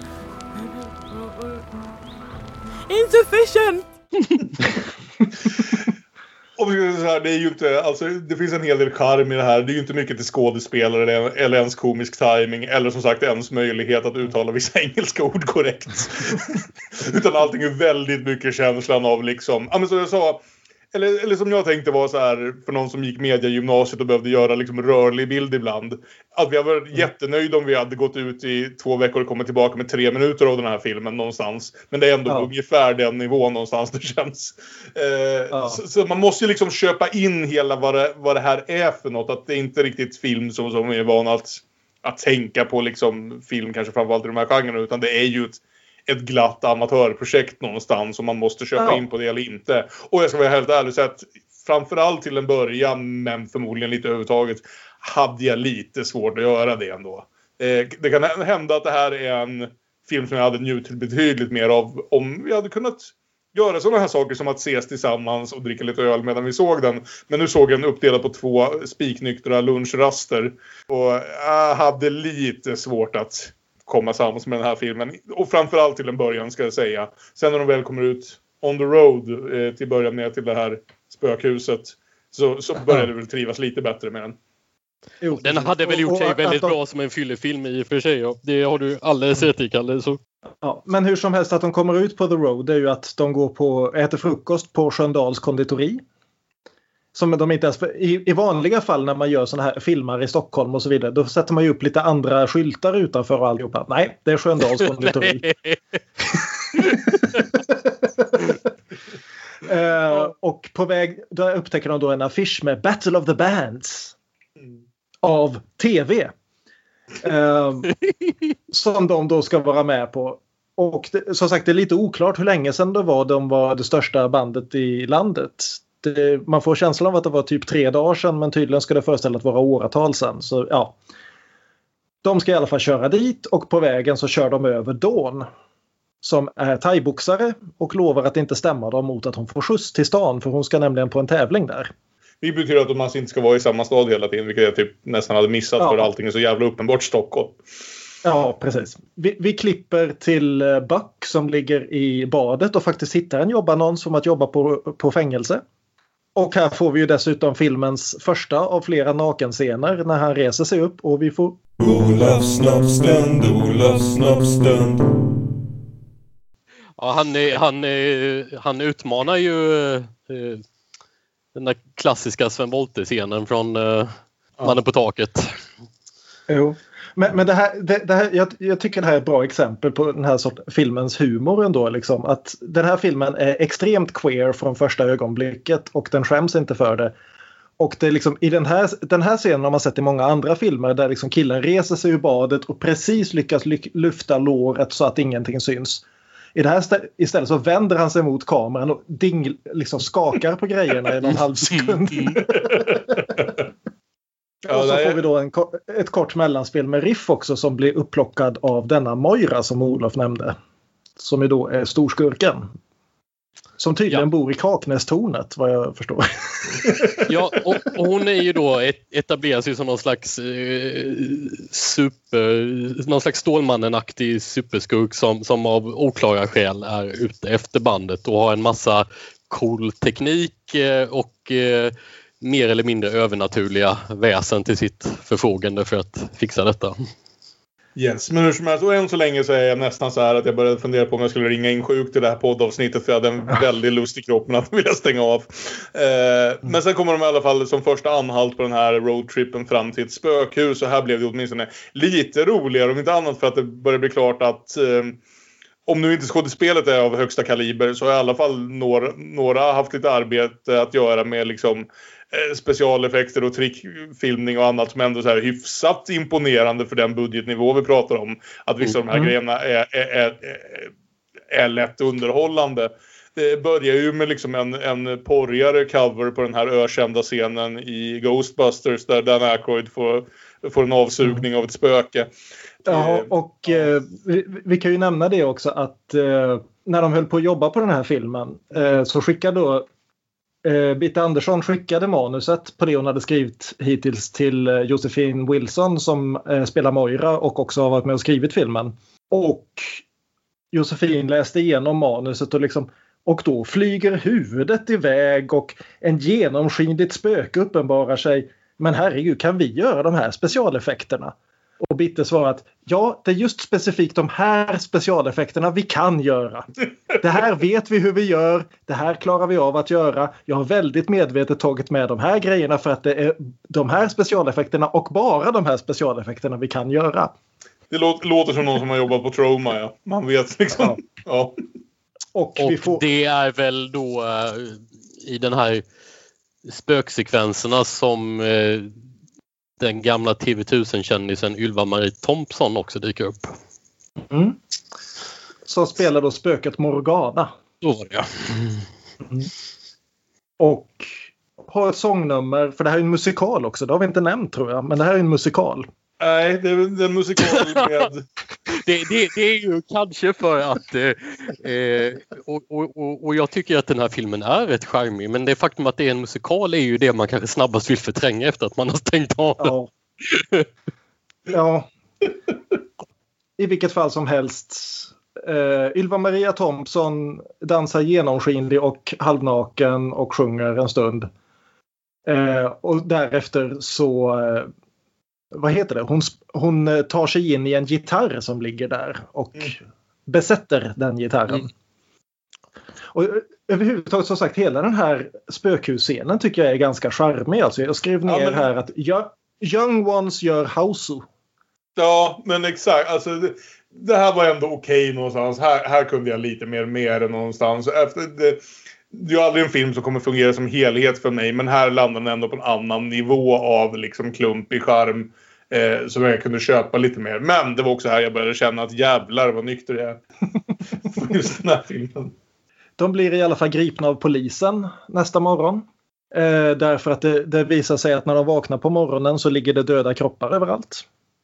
Både polisbilen och polisuniformerna tycker jag eh, nästan värda omnämning. För som sagt, någon, någon har haft 45 minuter på sig att måla, måla ordet polis på en gammal Volvo. Och eh, polisuniformerna är ju motsvarigheterna till de här vad heter det, sjuksköterskeuniformerna som vi inte riktigt kunde med i Soska-systrarnas Rabid. Där alla sjuksköterskor i Kanada uppenbarligen går omkring kort kort. Och, och så har de dessutom hyrt, eftersom de inte har råd att liksom måla en eh, skåpbil till polisbil. Så för att de ska kunna föra bort dem så har de helt enkelt hyrt en släpkärra på Statoil och hakat på bak till. Som, som då de arresterade får ställa sig i. Medan den av poliserna som sitter i rullstol eftersom de har fällt baksätet för att få in liket i Volvon. Så får polisen som sitter i rullstol får helt enkelt tolka efter. Och, och det är ju en sån här typisk sak också man tänker på, på väldigt klassisk lågbudgetfilm att ingen har brytt sig om att maskera vart fan de hyrde den här släpkärran eller något sånt. Så man undrar om ägaren av den här någonsin så, av den här släpkärran eller den här macken någonsin såg den här filmen och den här scenen han får gratis reklam genom att släpa runt ett lik på hans släpkärra.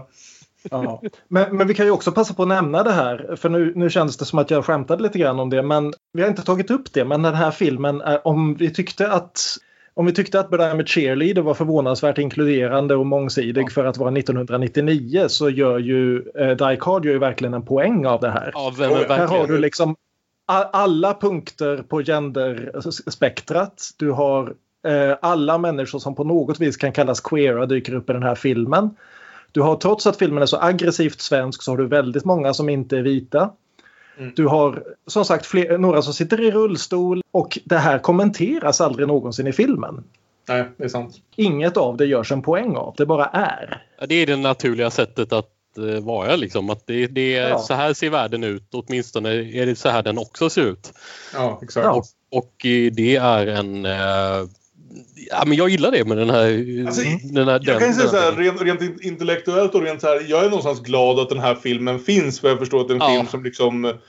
Jag uppskattar vad den gör, jag förstår vad den är ute efter. Det är kul att bara något sånt här kan göras. Den är bara inte riktigt för mig någonstans, känner jag. Mm. Jag tycker det är bitar och jag kommer kommentera de bitarna. Ja, och jag tycker ju inte heller att det är någon jättefantastisk film och man, man blir lätt uttråkad i, i, eh, i absolut en del partier av den Det är ju filmen. just det, att det är ju en film... Det är ju såna här filmer om de ska fungera, om man säger så här, i en mer professionellt variant, gjord variant det här, skulle det ju vara det här med att hålla tempot uppe och liksom Ja, energin. för det är ju något den inte gör riktigt. Och, och Det- när, det- när det blir liksom amatörteater av allting så bli, landar man ju jämt i det här att när eh, inte dialogen eller de som säger dialogen kan frambringa energi bara via det så blir ju allt liksom lätt pladdrigt och lite mer långsamt och liksom någon, någon faktisk energi blir ju liksom oftast eh, bara liksom försatt till ett, till ett par ögonblick i taget och sen så saktar Ja. det ner otroligt igen. Liksom. Nej men absolut. Ja.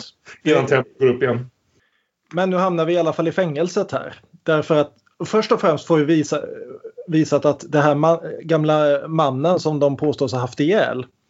Det är ju faktiskt Riff. Som har klätt ut, klätt ut sig till ett manligt lik med hjälp av science.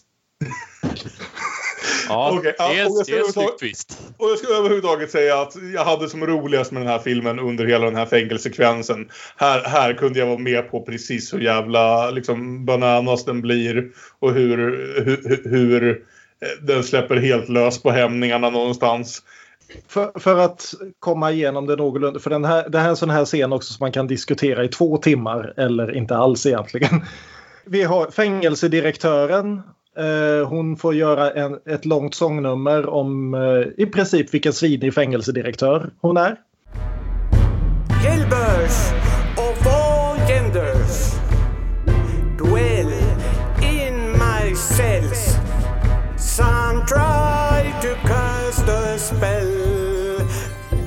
sorry, that won't help.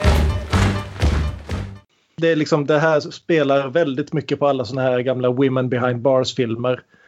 Förutom då att den här är en komedi och att det sitter folk av alla kön i det här fängelset tillsammans. Men hur som helst, det var här någonstans jag kommenterade till er i vår, i vår gemensamma chatt att eh, den här fängelsechefen har ett sångnummer där flera av vad heter det, raderna ska rimma men hon kan inte uttala engelska ord korrekt så de gör inte det. Ja, det var det numret du tänkte på. Ja. Mm. ja.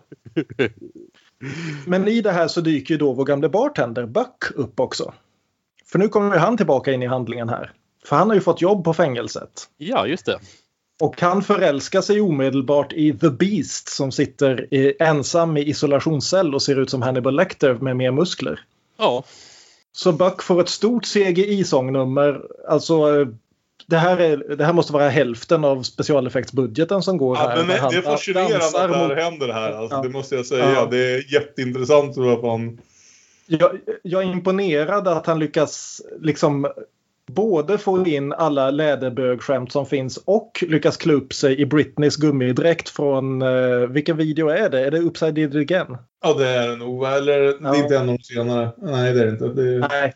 nej, det, det, Eh, så han släpper loss The Beast, alla får panik och det blir fullständig riot. Ja, och här fick vi egentligen lite gore-effekter. Någonting som den här filmen Jaha. ändå saknar lite till och från. Det, finns, eh, det, det var nog ändå liksom... Ja, men när du får så här vild... Den här vilda jävla actionscenen där folk är kåta åt ena hållet och liksom gravt våldsamma åt andra hållet ungefär samtidigt. Eh, började tänka på det där gamla South Park-avsnittet där alla djuren börjar vråla Blood orgy, blood orgy! eh, här, här hade jag kul. Det här är en bra 10 minuters sträcka med, som kulminerar i det här absolut extremvåldet och den enda egentliga gore-effekten de har eh, hunnit få Ja, in. Som, det- eh, ja. B- Bitte Andersson får ansiktet sönderstampat. ja. Och eh, var, var, på eh, alla efter ett tag bestämmer sig för att ställa sig och jucka mot väggen var på hela fängelsemuren rasar. Släpp fångarna loss, det är vår. Och alla rymmer och Buck eh, får ut eh, Die Card bandet ur dödscellen där de har suttit. Och så rusar vi genom Midsommarkransen. Jo, men jag, allt, jag undrar om de inte är och svänger lite i, i Årsta en bit också. Jag det Ja, det, så. kommer, det kommer senare. Det är Midsommarkransen först nu. Ja, okej. ja. Eh, Moira ser allt det här på sina övervakningskameror och blir jätteförbannad trots att hon som hennes assistent påpekar You own half the city, you got the Nobel Peace Prize, and Queen Elizabeth clearly has the hots for you. Can't you just forget about them and go on with your fabulous life? Hon har allt men hon måste hämnas på Die Card av någon anledning. Varför är hon så Ja, besatt av detta? varför? Kan vi inte få Detta veta? kommer att visa sig. Ja, det är, det är Så- tur, det är tur att, att de inte lämnar den tråden hängande. Så våra hjältar rusar från polisen. En av poliserna hittar den här glittriga gitarren som spöket besatte tidigare och håller upp den och ropar Evidence of rock and roll. och, vi, och vi får också något så fullständigt un, underligt här som en cameo som faktiskt ger en Bergman-koppling. Det var länge sedan vi hade en Bergman-koppling här. Ja, det var Men på en parkbänk där sitter då två äldre kvinnor och kommenterar hela den här jakten. Remember when we were younger? We would march fast. Wide say. Och vilka är då dessa? Jo, det är ju Birgitta Stenberg med fru. Just det. Mhm. Stenberg, författaren som då bland annat skrev eh, förlågorna till eh, Apelsinmannen, eh, Raskenstam och eh, vad heter den? Chans. Där då framförallt Raskenstam och Chans har ju ett gäng Bergman-skådisar i sig. Okej. Ja. Och ho- hon var, det här var bland det sista hon gjorde för hon dog tyvärr samma år som filmen kom ut. Men eh, det är i alla fall det är fint att hon fick en liten cameo här. När hela Stockholms queer-community är med då ska förstås Birgitta Stenberg in på ett hörn också. Hon är ju liksom OG. Ja, okej. Ja. Och här också i den här jakten med de här, fortfarande på något sätt samma två poliser tror jag. Eh, så sker också vad som kan räknas som filmens enda imponerande stund. Vilket jag gissar bara är att någon ramlade och slog sig för jävligt. Nej, nej, de eh, lyckades leta upp ett gäng eh, tonåringar som höll på med parkour. Ja, okej. Och frågade, får vi, sätta, jag. får vi sätta på er lite konstiga kläder och peruker och så får ni hoppa över lite grann här. Men var försiktiga för vi, vi har ingen försäkring. Och ungarna var så försiktiga så tills de slog på kamerorna och då höll de på att slå ihjäl sig. Därför att då ville de verkligen visa sig. Och det, Birgitta Andersson påpekade i någon av intervjuerna jag såg också att det är ingen som har reagerat på det faktum att liksom några av karaktärerna eh, inte vithyade när de springer mot kameran men så fort de hoppar över någonting så är de vita. Och som sagt, det är en av smällarna här som att göra jävligt ont. Och det var typ det största Ja. skrattet jag hade i filmen. För jag tänkte jävlar, det blir en riktig så här, vad heter det, Jackass ögonblick. När de ska över, över något räcke där. Men hur som helst så springer de ihop med ett, gäng, med ett lesbiskt MC-gäng. Come on. Kindly mount the motorized vehicles. What? You know these guys? Just get on the bike, Dyke! Som tydligen bara åker runt, runt, runt Årstafältet. Det säger, ju- säger ju något om den här filmen att jag såg den här liksom, tidigare idag. Jag hade redan glömt bort den här sträckan. Ja. Så en av inspirationerna, så att traumafilm och Chopper Chicks Go to Zombie Town i det här fallet då. De i alla fall skjutsar ut gänget på landet och lämnar dem i en liten stuga där en tant lovar ta hand om dem. Men får vi se att det är ju Riff som har betalat dem för att skjutsa dit dem. Ja, och Granny då som, som hon kallas har ju fått betalt för att hon ska helt enkelt göra det så himla bekvämt där att de aldrig, aldrig vill åka därifrån. Ja. Vilken jävla plan ändå. Men, men samtidigt, samtidigt så trivs de så bra hos Granny här så att eh, de vill spela en låt och då visar det sig att Dawn som ju egentligen bara är TIE fighter har råkat skriva en text. Och så plötsligt är hon med i bandet som sångerska för just, hittills har de inte haft någon sångerska. Eftersom Riff har slutat. Och Peggy och Dawn blir också ihop genom en väldigt öm och fin och G-rated scen där de hittar en strap-on ute i hammocken i trädgården. Vilket är där ögonblick som är så tydligt amatörfilm man bara behöver hitta någonting. De lyfter på närmaste kudde och så bara, ja men titta en strap-on. Det var precis vad vi behövde för att klara den här scenen. Vilken tur. Ja. Ja, men så nästa morgon så dyker en kompis till dem upp med deras bil och de speedar till storstan där den här Battle of the Band ska äga rum. Och jag gillar hur de lyckas filma inne på Globen. De filmar inte inne på Globen. De, smy smy de smyger sig fram, ställer sig i skuggan av Globen, filmar lite snabbt innan någon hinner fråga vad de håller på med och så åker de hem igen. Ja. så man ser Globen skymta förbi i bakgrunden lite grann. Ja, precis. Ja, men och Globen är ju då tyvärr dubbelbokad eh, den här dagen. Eh, de har råkat boka in både Battle of the Bands och MMA-tävlingen som Dawn ska delta i. Mm. Och det här blir ju då det blir ju svårt, inte minst för Dawn. Ja, hon, hon har ju ändå sin, sin, sin eh, nyfunna lojalitet mot bandet och, och väljer ju Dyke Hard. Ja, men först håller hon ju ett riktigt passionerat tal, eller det var skrivet som ett riktigt passionerat tal. Eh, ja, men, i- å, återigen, det, det känns, man ska inte hacka på skådespelarinsatserna här för det är så väldigt uppenbart. Nej, men alla, alla är amatörer. Gonzales är, hon är inte skådis. Det är hon Alltså, inte. Hon är det personlig det, tränare. ju- det är som jag säger, Men- men... alltså, skådespelarmässigt, allting är ju liksom ungefär skolpjäs på gymnasienivå. Så är det ju. Ja.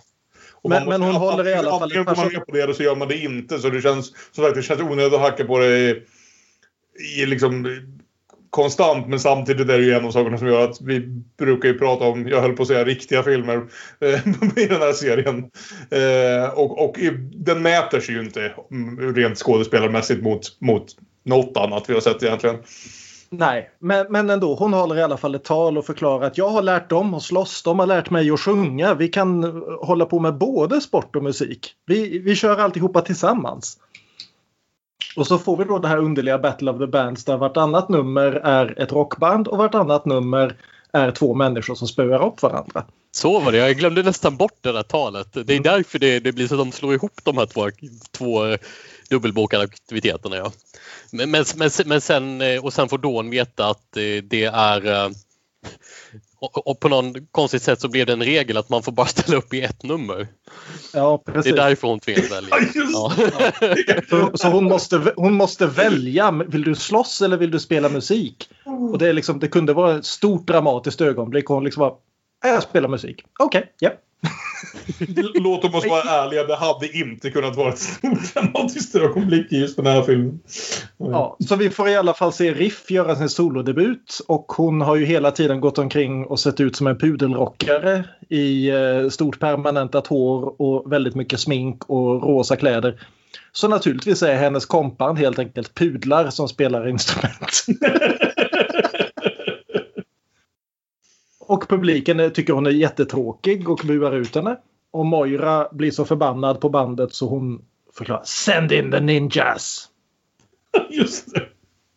Och Vilket när- är också bara en sak som man... Snacka om sådana här saker där man bara, ja, vi hade idéer till en scen. Som, som in, inte...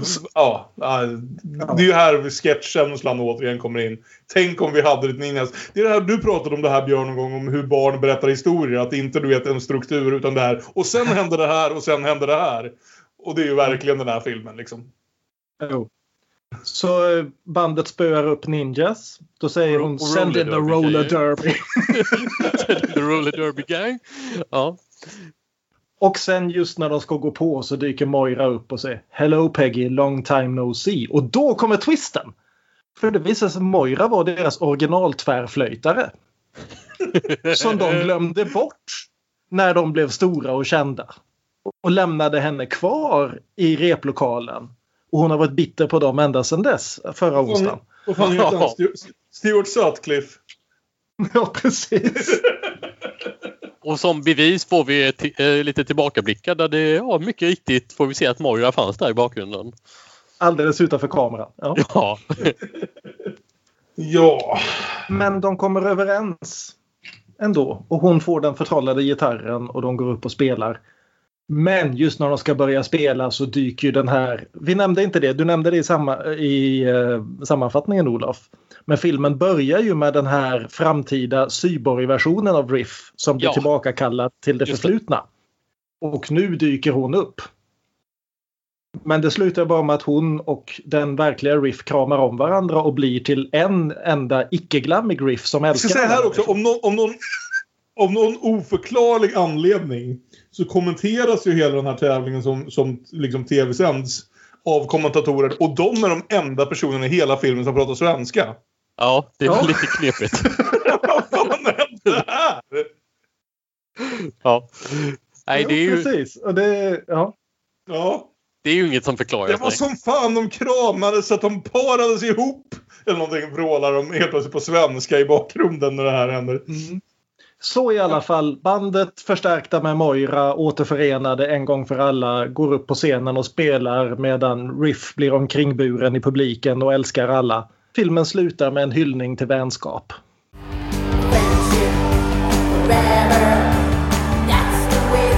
Och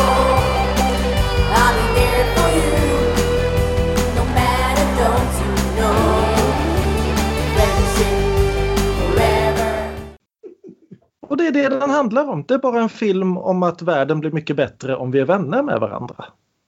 Det är ingen jävla ironi det här. Det, det är helt enkelt bara om vi alla får vara med och om vi alla försöker behandla varandra med respekt så går allting bra. Ja. Och jag gillar ändå att det, det, det är en så pass banal idé som den ändå liksom tar på fullt allvar. Och jag menar, den må vara banal men den, det är ju sant. Jo. Alltså, och jag... Jag tycker inte det här någonstans är en bra film, men det, som jag säger, det är en film jag kan uppskatta att den finns och att den fick göras. Och att jag tror att det finns omständigheter under vilka jag hade uppskattat den mer. För mig är det liksom nätt och jämnt ens en film, eller vad säga. Och, och det är ingenting som jag kan påstå att jag hade så här superkul när jag såg på. Men jag förstod samtidigt att jag skulle ha mer roligt att faktiskt diskutera den. Och ibland skiner den till. Det finns ögonblick när jag tycker att de faktiskt har hittat eh, en, en riktig liksom, man märker att de har så pass kul bakom kameran. Och det ska vi säga också, jag tror jag räknade, jag slutade räkna vid fem eller sex gånger när det är väldigt tydligt att den som står bredvid den som har en replik inte kan hålla sig för skratt. I stort sett varenda gång man ser någon som ska dra något dåligt, något dåligt skämt på tveksam engelska så står någon precis bredvid och kan knappt, Ja. börja liksom, knappt hålla sig från att fnissa. Så Ja, ja I, I see where you're coming from och jag uppskattar den här filmens existens. Den, den slog inte så hårt an hos mig. Nej, men jag, kan, jag kan hålla med. Alltså, jag gillar den här filmen mer än jag tycker den är bra. Om det Ja. låter vettigt. Jo, men, ja, men det, är- Det, det, det, är liksom, Absolut. det, är en fi, det är en film som får mig att vilja tycka om den. Ja. Eh, även om det finns långa bitar där den verkligen träffar tonarterna fel och där den... Och det här lite tråkiga att musiknumren är så entusiastiska och verkligen inte bra. Och då menar jag inte liksom själva prestationerna av skådisarna för de är helt okej just under musiknumren tycker jag. Men däremot att låtarna är så pass anonyma. Utom möjligen då den här återkommande kärlekstemat.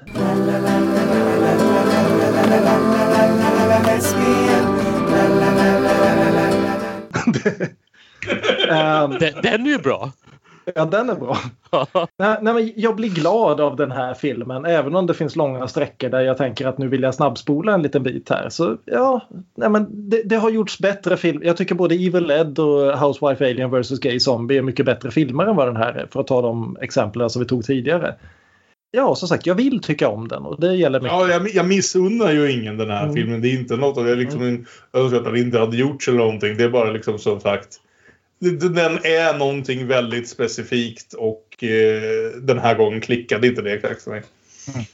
Jaha! Olof, Eh, ja, eh, Olof, jag vill ju veta vart du landar på den här nu då. För det var ju ditt förslag som sagt till film. Och som sagt, den här hade jag nog aldrig ens landat på min karta om inte, om inte du hade tagit upp den som, Men jag som tänkte det, var, exempel det på det kändes som en kul film att prata om i det här temat och det tycker jag nog det har varit också. Absolut. Eh, jag, mitt sammanfattande omdöme är att eh, jag tycker det är en charmig film. Den har en del bra scener och en del bra idéer. Sen är ju, alltså filmens handling är lite för, är ju ganska enkel. Det är eh, 14 olika genrer samtidigt. Det är kul. Men, men själva handlingen är egentligen ganska trist. Så att, och karaktärerna och, och dialogen är inte heller speciellt bra. Så, men filmen lever ju på sin stil och, och idéerna i den och jag tycker att det räcker en bit i alla fall. Sen så längre filmen går så lider den en del av att regissören har velat trycka in för mycket. Att, alltså jag tänker så här att Bitte Andersson har gjort en lista på en lång lista på allt som kan förknippas med att vara lesbisk och sen så måste hon få med precis allt det i filmen. Och eh, det blir ju lite mycket av en, en intern angelägenhet som, som väl är skitkul och upplyftande och bekräftande om man är en lesbisk tjej i Stockholm framförallt. Men jag tror ju i och för sig att det kan vara rätt kul även för andra stockholmare. Men kanske inte jätteintressant för alla övriga tittare. Det eh, har jag full förståelse för. Och de usla låtarna drar ner det en hel del.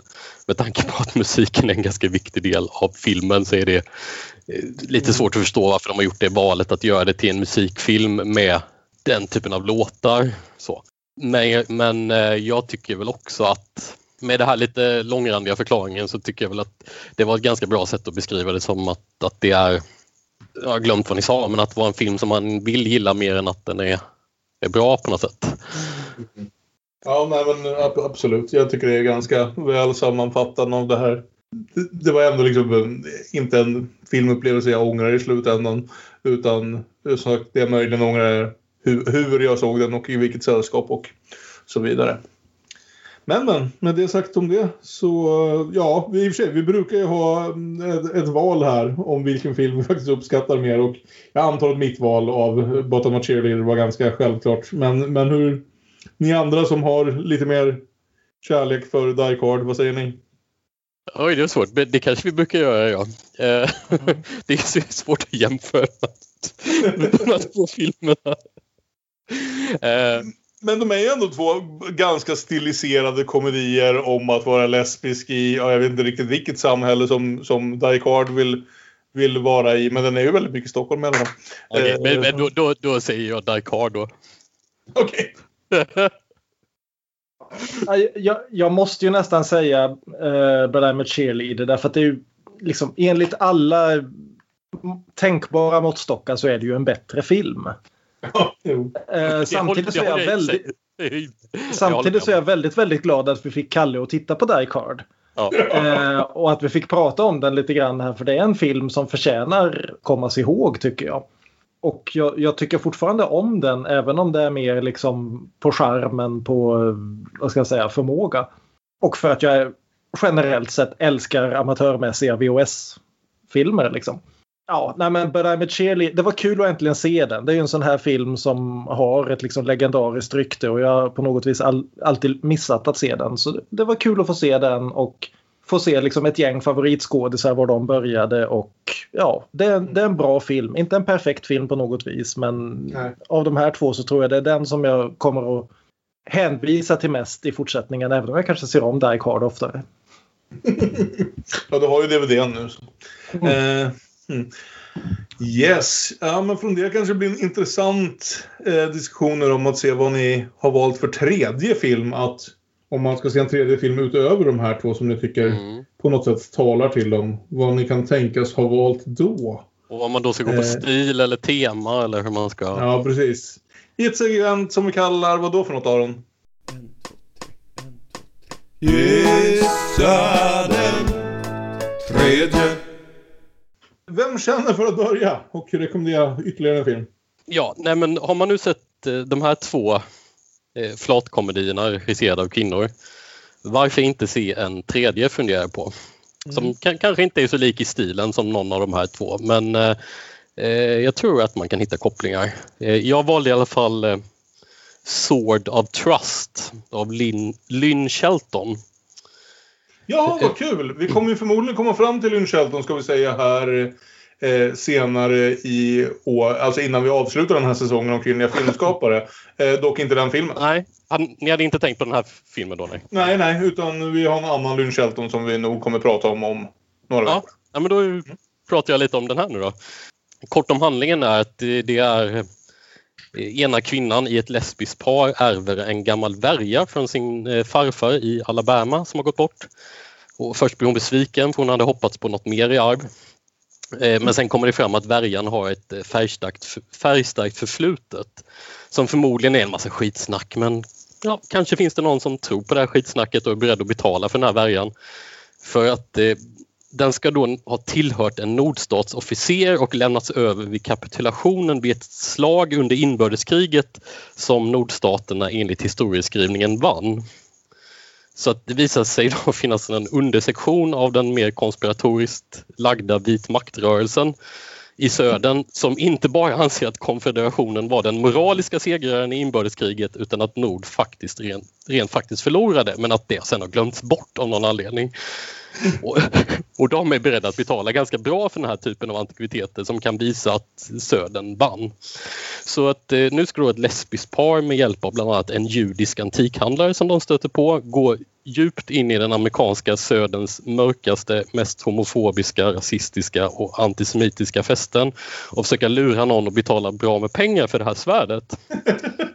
Ja, alltså det är inte en film om att finna sin queer-identitet den, utan eh, om att ja, hur långt är du beredd och vågar du gå i att dölja din sanna identitet för att passa in så att säga i, i det här fallet inte i majoritetssamhället utan i här, någon alt-right konspirationsgrupp som de frivilligt väljer att gå in i och inte tvingas in i på samma sätt som då i Bert Time Cheerleader till exempel.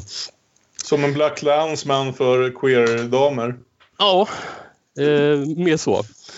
Filmen tar den här ansatsen och, och, och mjölkar den på, på rätt mycket kul komiska situationer och en del politisk satir som det hade mycket väl kunnat vara mer politisk satir. Den kanske ofta väljer här, lite enkla, roligare skämt som att huvudpersonerna är dåligt pålästa och förbered, dåligt förberedda på vit makt.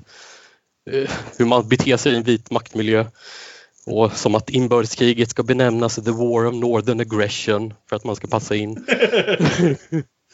och sådär, att, att det, det, är mycket den, den, typen av skämt att de inte vet hur man passar in mer, mer eh, ofta.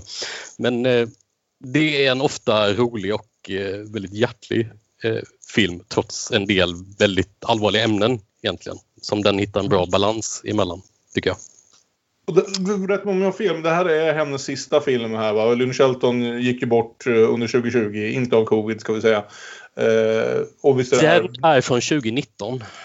Ja, så jag tror att det blev hennes, hennes sista film. Just det. Ja, den har varit... ska passa på att se den tills vi ska diskutera Lynn Shelton. Då. Säkerligen, det låter som en bra idé. Det låter väldigt spännande. Jag har inte hunnit se den heller, men, men det kan jag nog också tänka mig att göra inför den diskussionen. Björn, ska jag köra eller ska du köra? Mm. Så att du inte hinner sno den, för jag blev livrädd när Olof började prata där. Ja, okay. För jag har ju också en, en annan gammal favorit. Det här var den jag hade tänkt nämna egentligen när vi snackade om eh, Tankgirl och Buffy som min tredje mm. innan jag kom på en annan där. Eh, och det är ju då, apropå lesbisk komedi, så är det ju då Angela Robinsons Debs från ja, 2004. Ja. Som är en väldigt fånig film, men det är en film som jag såg första gången tillsammans med goda vänner och mycket alkohol och har blivit en standard bakfyllefilm sen dess eller vad man ska säga. Det, det, det, det, återigen, det är en film som lyckas pricka den här fåniga stilen väldigt bra. Det är alltså en film om en sån här Charlie's Angel typ skola för blivande spioner. Där då en av spionerna, eller ja, det är bara kvinnliga spioner. Där en av spionerna förälskar sig i superskurken Lucy Diamond. Och allting som det leder till när då hon både måste jaga henne och försöka få henne och bla bla bla.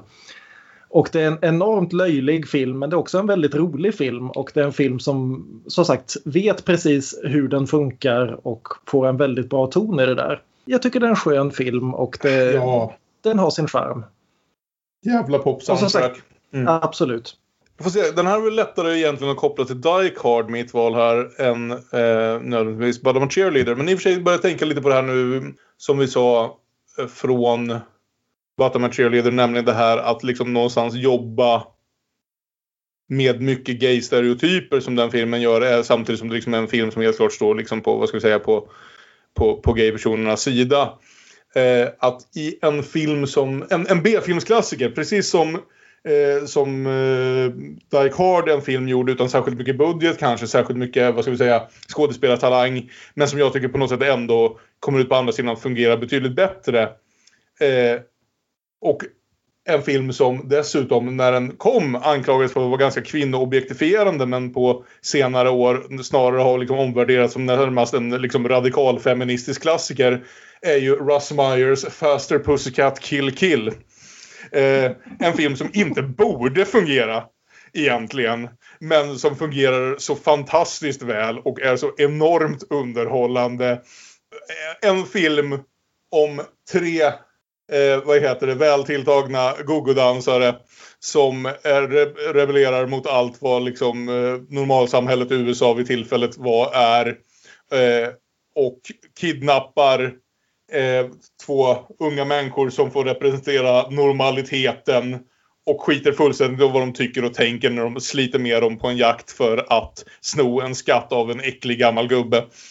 Eh, och den är... Jag vet inte riktigt vad det är som får den att fungera så mycket men jag tror att det bara är ungefär där man kan se de bästa stunderna av Die Hard. Nämligen den här rena jävla energin i att Ja men det här är liksom en film gjord av tio personer med en kamera i öknen någonstans. Och den hittar ändå så mycket energi i det här. Och jag säger inte att alla är bra skådisar men de har så mycket jävlar anamma någonstans. Och dessutom i Tura Santana som spelar vår hjältinna? Frågetecken? Skurk? Var, Varla? Har vi en av de första så här riktigt intressanta kvinnliga karaktärerna. Som någonstans är skurken men samtidigt också den absolut mest tilltalande karaktären i filmen och absolut jävla ikonisk. Om ni har sett någon bild, liksom så här någon fo något foto från, bilden, från filmen så är det henne ni har sett. Och, och det, det är en film som jag tycker fortfarande fungerar så otroligt väl trots som sagt att den nästan inte borde göra det med tanke på hur den är gjord och vad den handlar om och att den är gjord av en kar vars största intresse var liksom storbystade kvinnor. Men att han ändå någonstans gav dem eh, det, det man, eh, vad, vad nu rätt ord är på svenska, men en sån jäkla agency att de tilläts vara såna rebeller som stod utanför samhället på ett sätt som nästan annars bara liksom män tilläts göra inom filmen. Jag älskar den jävla skitkonstiga filmen. Ja, en bra, eh, intressant eh, kombo av eh, tre filmer där. Jag tror det kan bli en, en Ja. spännande filmkväll för någon.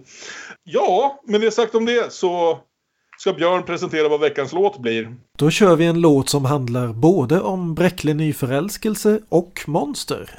Ganska sprillans ny låt. Adrian Lenkers Zombie Girl.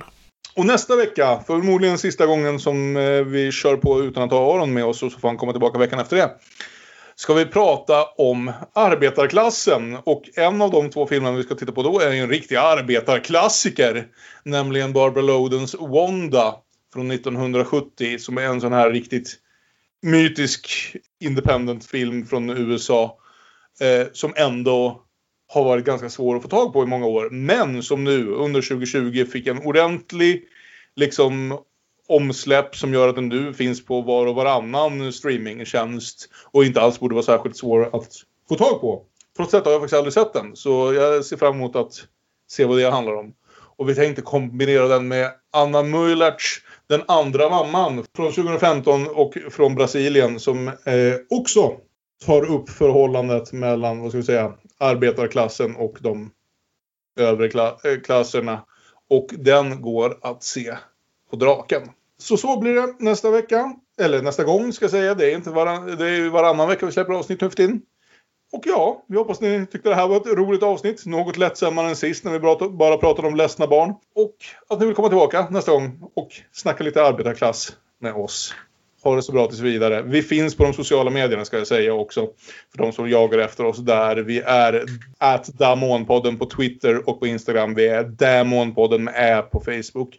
Man kan mejla damonpodden at gmail.com om man vill det. Ha det så bra tills vidare så hörs vi. Hej då! Hej då! Hej då!